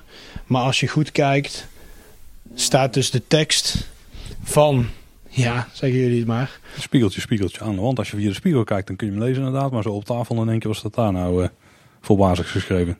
Klopt. En zo ga je ook in deze kamer. Zijn er nog veel meer dingen te ontdekken. En die laat ik ook uh, verder aan jullie of uh, aan de luisteraars over om ooit te komen ontdekken. Um, maar ook zodat je in deze kamer, al ben je hier een aantal keer geweest, elke keer weer iets nieuws kunt zien. Ik zie wel dat jullie last hebben van ongedierte. Ja, dat is echt heel erg vervelend. We hebben hier te maken met een uh, ja, overkill aan muizen. Die, zitten ook, uh, die wonen hier ook. in, uh, in de plint zitten die vaak verstopt. Een ware invasie van piekmuizen, hè? Dat klopt, ja. Overigens een, wat een heel populair item was hè, de, de afgelopen winter. Volgens mij vlogen ze als warme broodjes over de toonbank hier bij het aandenken. Ja, dat klopt. Dat is misschien wel leuk om even te vertellen. Nou, zoals jullie weten ben, mag ik verantwoordelijk zijn voor het onderhoud en in ieder geval van ook de kamers. Ik was er al achter gekomen dat het een item is die mensen heel graag willen hebben. Best vervelend. Ja, jij raakte er een paar kwijt uh, dan. Ik raakte er jaarlijks een aantal kwijt. Je wil dat het concept blijft kloppen en dat er niet daar een leeg muizenholletje is, maar het wil het verhaal in, in stand houden. Uiteindelijk uh, met een aantal collega's van mij uitgezocht om nou, kunnen we dit muisje zodanig nalaten maken dat we als het ware omdenken dat ze ze ook gewoon kunnen kopen. In plaats van dat we, nou ja, eigenlijk alleen maar een situatie hebben dat mensen hem mee willen nemen. En toen hebben we gezegd, nou dat is goed, dat gaan we doen. Want we moesten er inmiddels weer 30 uh, uh, vervangen. Of daar vervangen, die waren weggelopen. Ja. En uh, 30 en, nieuwe muisjes geplaatst. Um, maar tevens iets meer besteld. Waarbij we ook zeiden, we houden een voorraad voor vervanging. En we doen eenmalig, bestellen we dat meer. Nou, om gasten die heel graag willen, um, dus te kunnen uh, kopen. En inderdaad, wat we niet hadden verwacht, begin dit jaar was op Facebook en op de andere social media kanalen ging het los over uh, de piekmuizen die verkrijgbaar waren in het hotel. Dus uh, vandaar um, hebben we dat toen uh, zo gedaan. Ik geloof dat ik in één week tijd zes keer terug ben gereden naar het hotel. Alleen al aan verzoeknummertjes van vrienden en bekenden die zeiden... jij woont toch in Kaatsheuvel? Haal voor mij ook eens een, uh, een handje vol muizen. Dat was, uh, was me een weekje wel, ja. Ja, precies. Dus sinds uh, dat wij hier de muizen hebben geplaatst... zijn het ook, nou ja, um, aangename vrienden geworden om hier ook te mogen ontvangen. Ja. ja, misschien wel goed om nog even te vertellen hoe de kamer er een beetje uitziet. Uh, hij is heel licht. Uh, uh, de basiskleur is een beetje crème-wit. Met, met accenten in. het voelt een beetje koninklijk, hè? Een beetje dat lichtgele, donkerblauwe. Ehm, de, het meubilair is allemaal een beetje. Ja, ook een beetje koninklijk eigenlijk, hè? Beetje, beetje, beetje chic. ja, jij zei toen straks van bij de themakamer is niks aan toeval overgelaten. Maar eigenlijk is het hier ook wel zo, hè? Ja. Ook hier zit trouwens het patroontje wat hier in de vloer zit. Dus het patroontje wat ook in hoffelijke rood zat, zit hier ook weer in een uh, beige goud, uh, gouden opdruk op de, of behang op de muur. En daar staan wel weer de figuurtjes op, Tim. Ja, en wat ik misschien nog wel het mooiste detail vind, is dat hier, je hebt hier overal ook mooie houten lambrisering met sierlijsten. Maar in die lambrisering zitten weer ovaaltjes met daarin Efteling figuurtjes. En ook echt op basis van de ouderwetse piektekeningen. Ja, ook weer in die silhouettekening die je ook zag in de Hoffelijke Rood. Echt schitterende silhouetjes, ja. Heel mooi gedaan. Nou, ik zie dat hij wel iemand zijn schoenen heeft achtergelaten. Twee kleine rode schoentjes. Ja, ik zal de housekeeping daar ook even bellen. Want die rode schoenen, die uh, is misschien iemand het sprookjesbos kwijt. Oh, wacht. Ze, ze, ze, dansen weg uit de kast. oh, waar zijn ze nu? Die zijn zelf naar de housekeeping gedanst, denk ik. Ik zie, zie trouwens ook hier een, een, een ganzenveer waarmee je kan schrijven. Ja, het zijn uh, ontelbare details, zeg maar. Um... En, en Sven, voor dit is dus de standaardkamer van het Efteling ja, Hotel, hè? Ja. Ja, heel gaaf. Als dit je standaardkamer is, chico. Zeker, we zijn er ook heel erg blij mee. Maar ik wil jullie toch nog wel even meenemen in uh, iets unieks. En ik heb daar dan natuurlijk straks ook even aan mijn collega gevraagd van nou, wat kan ik daarover kwijt. Maar ondanks dat deze kamers nog uh, zeer gewaardeerd worden, willen we ook mee met de tijd. En ehm, nou ja, begin volgend jaar staat de renovatie op het uh, programma. En gaan we um, nou ja, het interieur en sanitair volledig renoveren van de comfortkamers. Ook van deze kamer dus? Ja, van 98 uh, van deze kamers en de vier uh, junior suites. Jeetje. Dus um, afgelopen jaren druk bezig geweest met dat te plannen. Want dat gaat natuurlijk ook wel er gaat veel tijd in zitten. En ik uh, wil jullie in ieder geval het heugelijke nieuws melden dat wij begin volgend jaar deze kamers gaan renoveren. Daar ga ik niks over verklappen. Maar dat we hier gaan renoveren. En uh, dat mogen jullie in ieder geval uh, bij deze al weten. Dan moet ik toch vrij zeker zeggen dat wij wel moeten komen kijken als het klaar is. Want ja, ben ik wel benieuwd hoe het er dan weer uitziet. Nou, ik heb jullie horen zeggen dat je graag hier wil overnachten met je gezin. ik zou bijna zeggen dat wordt een aanleiding om in Q2 in ieder geval in de schoolvakanties iets te gaan boeken. Want uh, dan kun je thuiskomen dadelijk. Thuis toch eens met de vrouw over hebben. Ja, eens overleggen. Ja. maar, maar bizar joh, het lijkt op deze kamer, die lijkt gloednieuw en hij wordt nu al gerenoveerd. Ja. Wat is daar de aanleiding van dan? Nou, aanleiding is dat uh, gelukkig ziet er allemaal netjes uit. Maar we, um, uh, we lezen natuurlijk nauw uh, de opmerkingen van onze gasten. En dit hotel is, zoals jullie ook weten, al redelijk oud. Het sanitair is altijd een ingrijpende verbouwing, zeg maar. Dat willen we echt dat dat gaat gebeuren, want dat is, nou ja, als je meegaat met de tijd, is een lichtbad en, en in andere hotels gekeken en niet per se het meest comfortabele. Gasten prefereren toch een, een inloopdouche. En daarnaast hebben we dus met zo'n verbouwing de gelegenheid om ook de overige items die um, gedateerd zijn of nou, om die te vervangen. Wel binnen het huidige concept, want het luchtkasteel vol verhalen blijft nou ja, verankerd aan de uh, bodem van de Efteling. Maar in ieder geval wel, ja, anno 2020 wel onze kamers weer goed in de markt te zetten. En ook een belangrijke reden is, er gebeurt natuurlijk veel in de omgeving. En wij willen voorop blijven lopen als het gaat om uh, ook onze accommodaties. Daar moet je zijn geweest. En als je echt die Efteling-beleving wil hebben, dan moet je hier ook gewoon overnachten. Ja. Dus we moeten ook rekening houden met concurrentie om ons heen. En voorop blijven lopen in hetgene waar we goed in zijn. Nou, dus als jullie hier binnenkomen en verbaasd zijn, nou, dan hoop ik uh, jullie uh, volgend jaar nog meer te kunnen verbazen. En dat jullie ook ambassadeurs uh, worden en zeggen om die reden. Dat is nou het verschil om te overnachten in de Efteling of bij omliggende um, collega's. Ja, en hoe gaan jullie dat in vredesnaam doen, al die kamers verbouwen? Blijf je open? Ga je dicht? Nou, um, daarom hebben we er heel lang over nagedacht, berekend en um, nou, plannen op nagelaten. Wij gaan inderdaad een zo kort mogelijke periode dicht. Ook in een periode die de winter heet, zeg maar. Um, zodat overlast beperkt wordt. Want je kunt geen badkamer eruit halen op het moment dat die gasten in huis slapen. Er wordt een, een opera militaire operatie dan in korte tijd zoveel kamers renoveren. Ja, dat wordt een heel uitdagende operatie. Maar we hebben met de partijen die we omarmd hebben volste vertrouwen dat het goed gaat komen. Maar jij mag vast niet op vakantie dan? Ik ga dan niet op vakantie, want dat zijn wat dat betreft uh, hele mooie dingen en ontwikkelingen. En dan uh, wil je met je team uh, in ieder geval de eerste dag er zeker zijn om alle gasten te kunnen ontvangen. Kijk, volop toekomstplannen dus voor het Efteling Hotel. Zeer zeker. Nou, dan lopen we hier de kamer uit langs de nieuwe kleren van de keizer. Die hangen er ook standaard, zie ik, op een kleren hakken. Ja, ze haakje hangt goed vol inderdaad. in ieder geval, Sven, hartstikke bedankt dat we de rondleiding hebben kunnen krijgen voor jou. Meer dan graag gedaan. En we hebben enorm veel opgedaan over het Efteling Hotel. Want het, zoals wel bleek, dit is echt een stukje Efteling waar ik in ieder geval heel weinig van wist. En ik ook niet heel veel, moet ik, uh, moet ik bekennen. Uh, Sven, als mensen geïnteresseerd zijn uh, of ze willen boeken, hoe, hoe kunnen ze dat dan het beste doen? Ja, het allerbeste en het makkelijkste is dat gewoon via de Efteling website te doen. En daar kun je heel makkelijk vinden hoe je kunt overnachten bij de Efteling. En dan heb je ook echt nog de keuze uit alle, uh, uit het hele aanbod wat we daar te bieden hebben. En als jij in een paar zinnen onze luisteraars moet, uh, moet overtuigen, waarom moeten ze nou vooral hier in het Efteling Hotel komen overnachten? Nou, als je deze podcast hebt uh, beluisterd, dan zou als het goed is het enthousiasme al gestegen moeten zijn. Maar het sterkste aan het Efteling Hotel vind ik de details die je keer op keer kunt ontdekken. Om um, die je meenemen in die, die optimale gastreis. Um, in combinatie met Efteling Park. Dus ik zou zeggen slapen en in het park bezoeken. Dat kan op de beste plek en dat is de Efteling Hotel. Kijk, Ik ben er redelijk in overtuigd in de afgelopen uur, uur hebben rondgelopen. En we vergeten misschien wel het belangrijkste. Natuurlijk tot, eh, tot in de late uurtjes blijven hangen in de gelachkamer. En dat helpt ook wel. Ja, die gaat niet weg, nee. Nee, Nou Sven, nogmaals eh, bedankt. Graag gedaan. ontzettend bedankt eh, voor de rondleiding Sven. Nou, dan zitten we weer terug in de gelachkamer, Tim, na een rondje door het Efteling Hotel. Ja, precies. Toch best wel eh, weer wat nieuwe plekken gezien in het hotel die ik nog niet kende. Ja, en volgens mij zeiden we de intro van, ik, we zijn benieuwd hoe die kamers er nu uitzien. Want ik hoor nog wel eens dat het Efteling Hotel wat gedateerd aandoet. Maar ik moet zeggen dat die, ook die comfortkamers, die zien er van binnen toch nog steeds heel goed uit.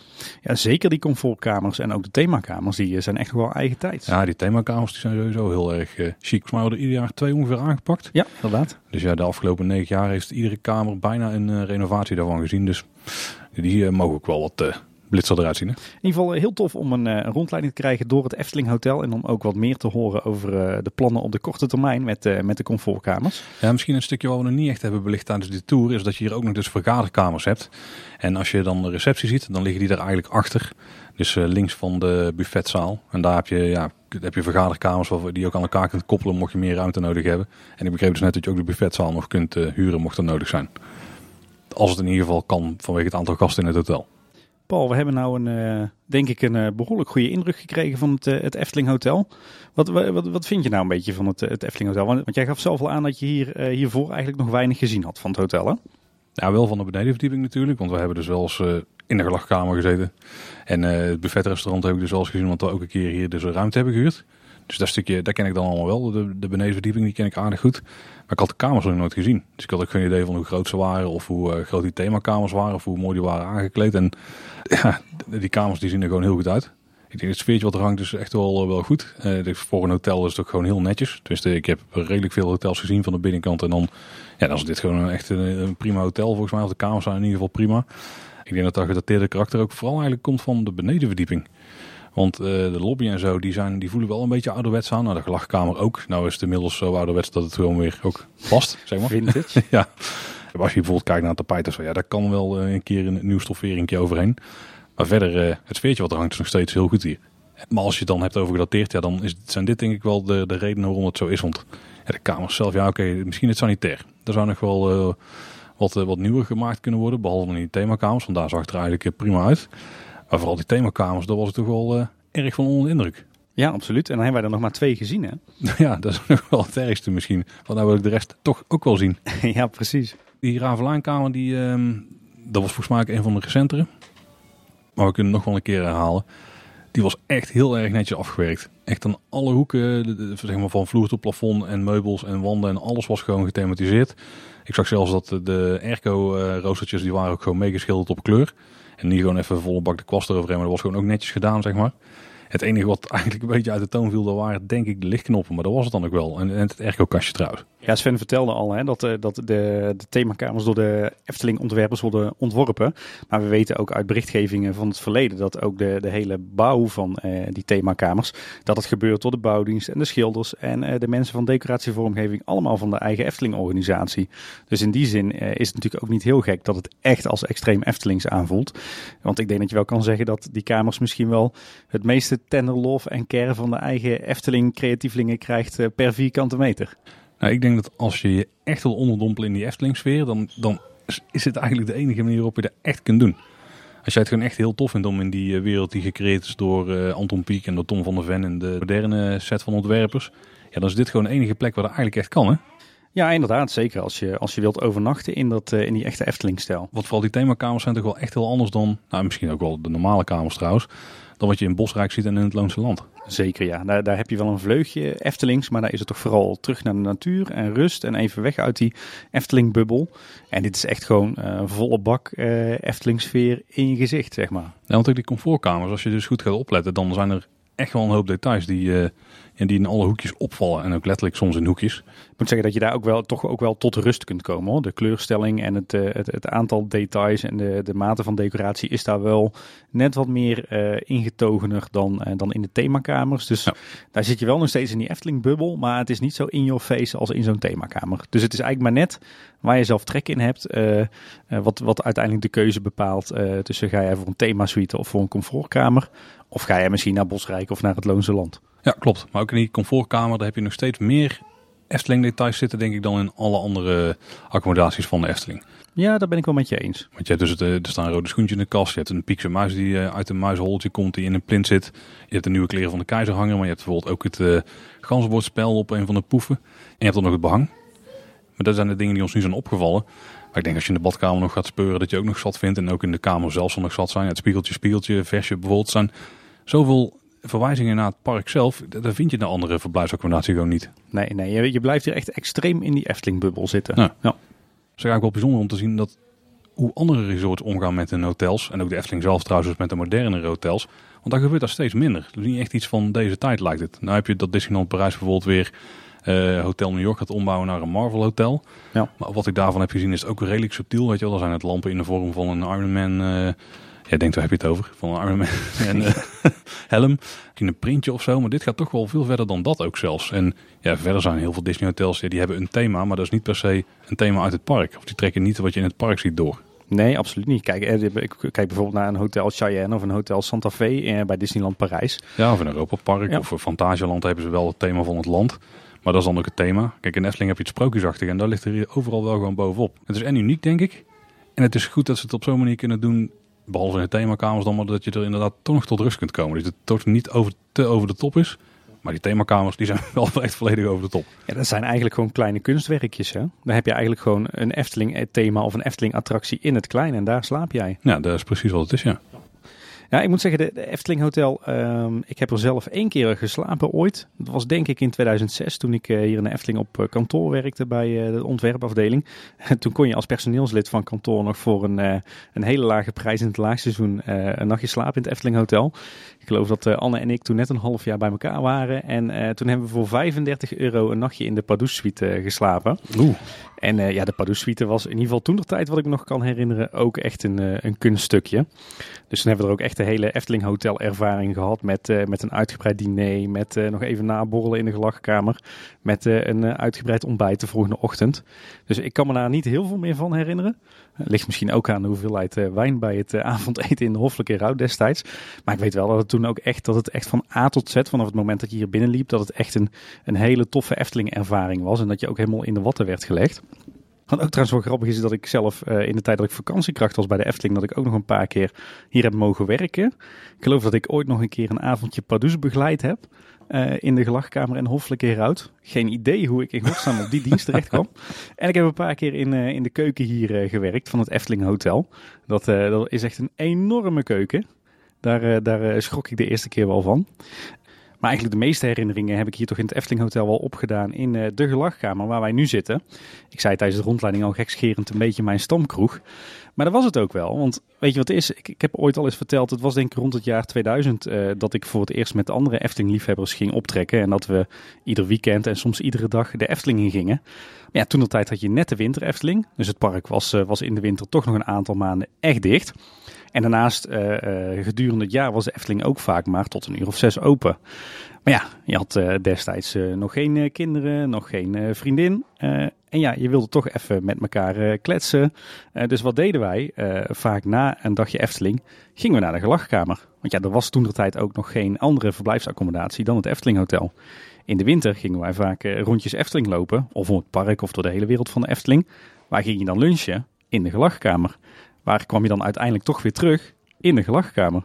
Dus ik heb tientallen keren, nou misschien wel meer dan honderd keer, uh, hier in de gelachkamer gezeten. Uh, lekker eten, uh, borrelen, later ook met Anne en met de kinderen. het is echt een beetje ons, onze stamkroeg ons, en vroeger ons toevluchtsoord. Om toch nog een beetje die, dat Efteling gevoel te krijgen als je niet in het park bent of kunt zijn. Dus ik heb aan die gelachkamer ontzettend goede herinneringen en het uh, vaak ook veel te laat gemaakt. Uh, dus ja, ik heb, voor mij voelt het Efteling Hotel wel als vertrouwd. Alhoewel, uh, net als jij, zijn de kamers en ja, eigenlijk alles boven de begane grond ja, toch wel redelijk nieuw. Ja, wat vind ik van het Efteling Hotel? Ik moet zeggen, de lobby en de gelachkamer en de binnenspeeltuin, die zijn wel echt verouderd. Dat is echt nog wel die jaren 90 vibe enige tijd geleden toen wij in het golfpark rondliepen en we liepen in het clubhuis. Daar had je ook nog echt die jaren 90 Efteling sfeer.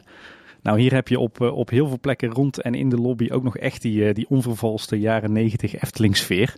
En ergens is dat ook wel, voelt het ook wel lekker, die, die, die vintage Efteling sfeer van het, het begin van mijn liefhebberij voor de Efteling. Aan de andere kant kan natuurlijk eigenlijk niet meer. Hè? Ik denk dat Sven ook al een beetje vertelde, je moet kijken door de bril van de, de gast die je vers komt, zeg maar, die voor het eerst komt. Kijk, en als je dan in die themakamers komt en ook gewoon op de comfortkamers, hoewel die dus vervangen gaan worden, dan denk ik dat je een hele goede ervaring hebt. Maar ja, als je dan bij binnenkomst met je neus op die uh, 90 jaar sfeer wordt gedrukt, ja, dat is misschien niet helemaal wat je wilt. Nee, inderdaad, dat ben ik wel met je eens. Geldt trouwens ook wel een beetje voor de buitenkant van het hotel hoor. Want goed, uh, het is een, eh, een droomkasteel, uh, maar het heeft ook wel heel erg die jaren 90 utiliteitsbouw uh, feeling, vind ik eerlijk gezegd. Nou, wat me vooral opvalt als je er dichtop staat, dat het lichtere deel van het gebouw, dus boven de ruiten zeg maar, dat, eh, dat je daar ook gewoon de bakstenen ziet zitten en zo. Misschien dat dat straks afstukken dat er al een heel hoop doet voor het aanblik. Ja, ik weet niet of je dat moet doen hoor. Het, is een lastig gebouw. Want er is denk ik destijds bij de bouw bewust gekozen voor zo'n tussenvorm tussen uh, enerzijds Efteling en sprookjesachtig, maar anderzijds ja, wel hedendaags. In ieder geval in de jaren negentig. En ja, als je dit naar een gebouw zou willen brengen met 100% Efteling uitstraling, zoals een, eh, een poorthuis, een landhuis of een Loonse landhotel, Alhoewel je er ook nog over kan discussiëren of dat nou typisch Efteling is of niet. Maar goed, als je hier echt een gethematiseerd gebouw van zou willen maken, dan moet je wel meer doen dan alleen stukken. Want het is toch een beetje die jaren 90 utilitaire bouw. En misschien is dat ook wel weer het sterke aan het hotel. En moet je er ook weer niet te veel aan willen tornen. Ik kan me voorstellen dat in de eerdere ontwerpen het misschien ook wel zo was. Hè? Alleen dat het op die manier niet gerealiseerd mag worden vanwege de welstand. Ja. Maar ja, wie weet wat er in de toekomst nog kan. Of de vinger die de Efteling misschien nu in de pap heeft uh, bij bepaalde gemeentes. Nou, ken je dan specifiek? Nou ja, we weten dat aan de overkant van de Europalaan, uh, waar we nu een beetje op uitkijken, uh, langs de Horst, dat daar plannen zijn voor een enorm hotel. wat er daadwerkelijk uit gaat zien als een middeleeuws kasteel. Hè? Ja, qua vormen, maar volgens mij ook gewoon qua materialen moet daar gewoon redelijk strak gemetseld worden. En, maar wel met ronde torens en puntdaken en zo. Maar in principe heeft dat dit hier ook, hè? Heeft ook ronde torens met een, ja, oké, een uitvormig dakje dan. Maar... Eigenlijk is het een heel abstract, modernistisch droomkasteel, zou je kunnen zeggen. Ja, het is eigenlijk misschien ook wel gewoon precies uh, de uitvoering van een Eftelings gebouw. Als je het dan ja, niet helemaal Eftelings mag maken, zeg maar. Als je het iets moderner moet laten lijken. In ieder geval jaren 90 modern. Ja. ja, en het is natuurlijk ook ontworpen door externe architecten van buiten de Efteling-organisatie. Hè? Dus dat zie je ook wel. Overigens moet ik wel zeggen, ik ben wel uh, zeer positief verrast door, uh, door het restaurant De Hoffelijk Eerhout. Had ik al wel eerder gegeten, maar goed, uh, daar heb je totaal niet die jaren 90 vibe. Dat is echt wel chic en licht en modern en fris en toch Eftelings. Ja. Maar ook inderdaad al die comfortkamers, de gangen, de thema-suites. dat voelt allemaal wel echt eigen tijds en dat kan echt nog wel. En, en dat geeft echt ook wel dat, dat subtiele Efteling gevoel. Dus, ja, dus misschien alleen het sanitair in de kamers. Maar ja, we hebben dus begrepen dat die er uh, allemaal aangaan. Ja, precies. Ik ben wel heel benieuwd naar die uh, nieuwe kamers hoor. Ja, zeker. dan, moet, dan moet het ook echt weer terugkomen. Ja, precies. Hey, nou hebben we het toch over de toekomst van het Efteling uh, Hotel Paul. Want Sven die vertelde dus al over de plannen om uh, in het begin van 2021 uh, alle comfortkamers en dan met name de, de natte cellen zoals het dan zo mooi heet, om die een grootschalige renovatie te geven. Maar er zijn ook geruchten, hardnekkige geruchten, dat er meer gaat gebeuren met het Efteling Hotel hè? Ja, we weten natuurlijk niet dankzij de coronacrisis wat er allemaal aan gaat veranderen. Maar ja, we hebben wel een hoop dingen gehoord. En die hebben ook natuurlijk alles te maken met de uitbreiding aan Strookrijk. Of eigenlijk van het Reizenrijk zoals Efteling hetzelfde noemt die uh, ja, hier eigenlijk tegen het hotel aan gaat verschijnen. Ja, want in het, uh, het grote masterplan zou je kunnen zeggen van Strookrijk, dus zeg maar de, de Strookrijk Plus Plus variant, wordt er niet alleen een, eh, een deel aan het reisrijk toegevoegd met Circus Coaster en infills en horeca, maar zouden ook het hotel en het café-restaurant onderdeel gaan uitmaken van het, het totaalproject. En daarmee zou het, het Efteling Hotel flink onder handen worden genomen. Met name eigenlijk de begane grond en uh, de buitenruimte. Nou, dat dan toevallig een paar gedateerde onderdelen van het hele ja, het hele hotel zijn. Ja, want uh, het, het hele idee daarvan is, als we de geruchten mogen geloven, dat het hotel meer uh, onderdeel wordt van het park. En om dat te bereiken uh, gaan ze een aantal dingen doen, of zouden ze een aantal dingen van plan zijn. Um, zo wordt de ingang van het hotel een kwartslag gedraaid. Die komt richting het zuiden te liggen. Ja, dus richting de, uit, de nieuwe uitbreiding.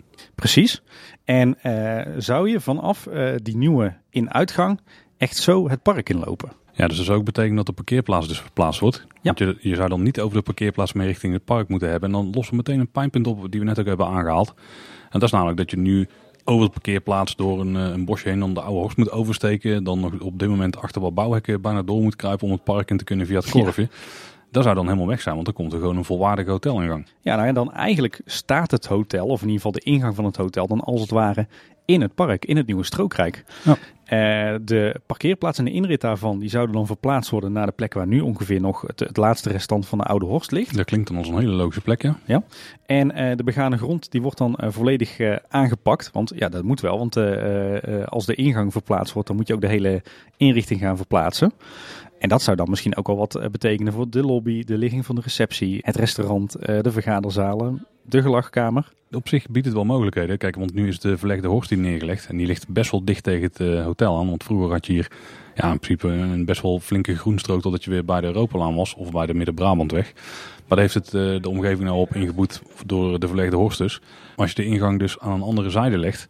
Eh, die dus ook aansluit op het park en niet meer op de parkeerplaats. Dan kun je daar, daar dus ook terrassen neerleggen. Of misschien meer speelgelegenheden voor de kinderen buiten of Ja. zo. Want die mis je nu op dit moment wel. Want die zat een speeltuintje naast hier buiten. Naast de gelachkamer, maar die is dus weg. Ja, en sowieso, het hotel lag vroeger echt schitterend ingebed in het groen. En je ziet wel dat er nu aan twee kanten echt heel veel van af is gesnoept. Eh, en dat betekent dat als je de indeling van het hotel een kwartslag draait, dan kan je die lelijke kant, eh die, eigenlijk de twee lelijke zijdes die grenzen aan eh, de Europalaan en de N261, die kan je ook een beetje als achterzijde gaan inrichten, waardoor het aan het zicht wordt ontrokken. Ja, het is wel zo dat je nu dus de westkant hebt. Dus die dichtste tegen het park aan ligt. Dat is een beetje een soort back of the house stukje. Ja, daar zit de linnenkamer, daar, daar zit de bevoorrading van, eh, van eh, de horeca, daar eh, zit de afvalverwerking. Kijk, die blijft natuurlijk... Tenminste, daar vermoed ik even zo wel zitten. Of zouden ze die dan aan deze kant kunnen doen? Dan wordt het wel een heel ingrijpende verbouwing. Ja, nou volgens mij komt die dan te liggen aan het, eh, het nieuwe parkeerterrein van het Efteling Hotel. Nou, ik zie in ieder geval veel mogelijkheden. Want als je de huidige ingang dan meer gaat gebruiken als terras voor de gelachkamer. En je zet er wel meer groen omheen om meer de weg eraan te onttrekken aan het hotel. Ik denk dat je daar best een leuk zitje krijgt. Zeker. En ik zie het met de ingang ook wel goed komen. Want je hebt daar nu die vergaderkamers. En die liggen eigenlijk recht achter de eh, receptie. En een deel van het eh buffetrestaurant. Daar kun je prima een doorgang maken richting het park. Zeker, zeker. En er gaan ook geruchten dat dat zou betekenen dat dan eh, de begane grond van het hotel ook een ander thema krijgt en mee wordt genomen in dat eh circus thema. hè. Oh, serieus? Oké. Ja.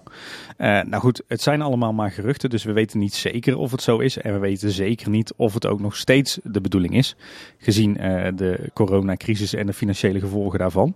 Maar dit zijn in ieder geval geruchten die ook nog gaan over de toekomst van het Efteling Hotel. En ik denk dat we daar eh, alleen maar eh, van kunnen hopen dat het ook daadwerkelijk eh, zo gaat gebeuren. Ja, en we hoorden net wel dat de hotels. En we net wel dat de Efteling hotels vooral in trek zijn bij heel veel buitenlandse gasten. Want die verwachten toch vaak. ja, die zoeken vaak naar de hotelervaring. Er zijn ook nog meer toekomstplannen rondom hotels bij de Eftelingen. Ja, dat zijn, zijn, het zijn eigenlijk allemaal geruchten of oude plannen van, waarvan we niet zeker zijn of ze nog steeds actueel zijn. Maar we hebben dus de plannen met het, eh, het Efteling Hotel. Maar wat verder toch ook vrij concreet is, is dat er ook plannen zijn voor een eh, nieuw hotel eh, op Strookrijk. Nou, Strookrijk plus plus. Ja, precies. Ehm, want uit de stukken die wij ooit eens hebben opgeduikeld in Kleine Boodschap, waar we ook de, de toekomstige plattegrond van heel Strookrijk uit hebben weten te destilleren, daar werd ook gesproken over een fase 3 van Strookrijk.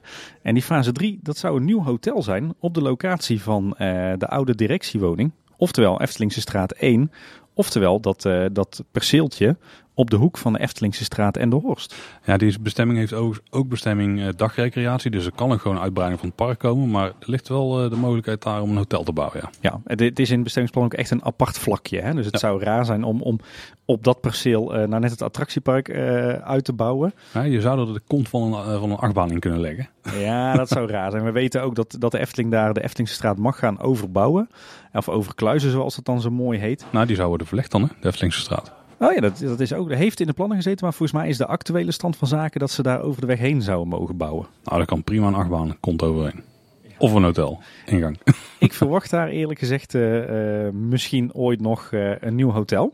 Nou, verder weten we dat er ook nog plannen zijn geweest voor een nieuw Efteling hotel nabij het Efteling Theater. Dat waren de originele plannen ook natuurlijk. Ja, maar die zijn er ook recenter geweest met de ja, relatief recente plannen voor het Uitrijk. Mhm. En we weten natuurlijk dat het Ravelijn, en dan met name het kantoor Ravelijn, dat dat zo ontworpen en gebouwd is dat je het ook nog kan ombouwen naar een hotel. Dus ook daar liggen nog mogelijkheden voor de toekomst, ja. ja. Kortom, eh, als al die plannen zouden worden uitgevoerd, dan hebben we zo'n beetje in eh, iedere hoek van het Eftelingpark een hotel liggen.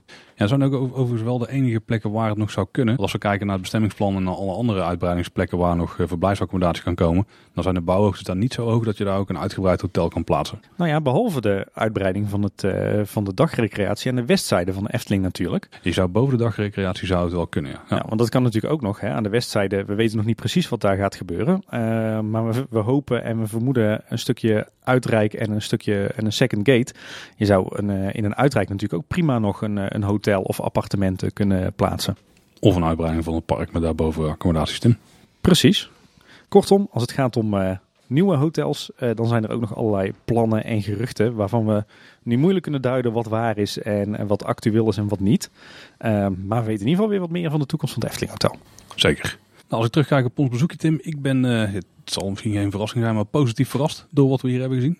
Vooral die themasuites, die zien er echt enorm goed uit, maar ook de comfortkamers, ondanks dat ze op de schop gaan. eh, Degene die wij hebben gezien, die zag er echt nog heel fris en, eh, en netjes uit.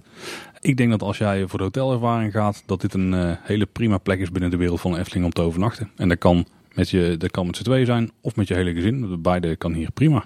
Ja, absoluut. Eh, het Efteling Hotel is een klein beetje die vreemde eend in de bijt.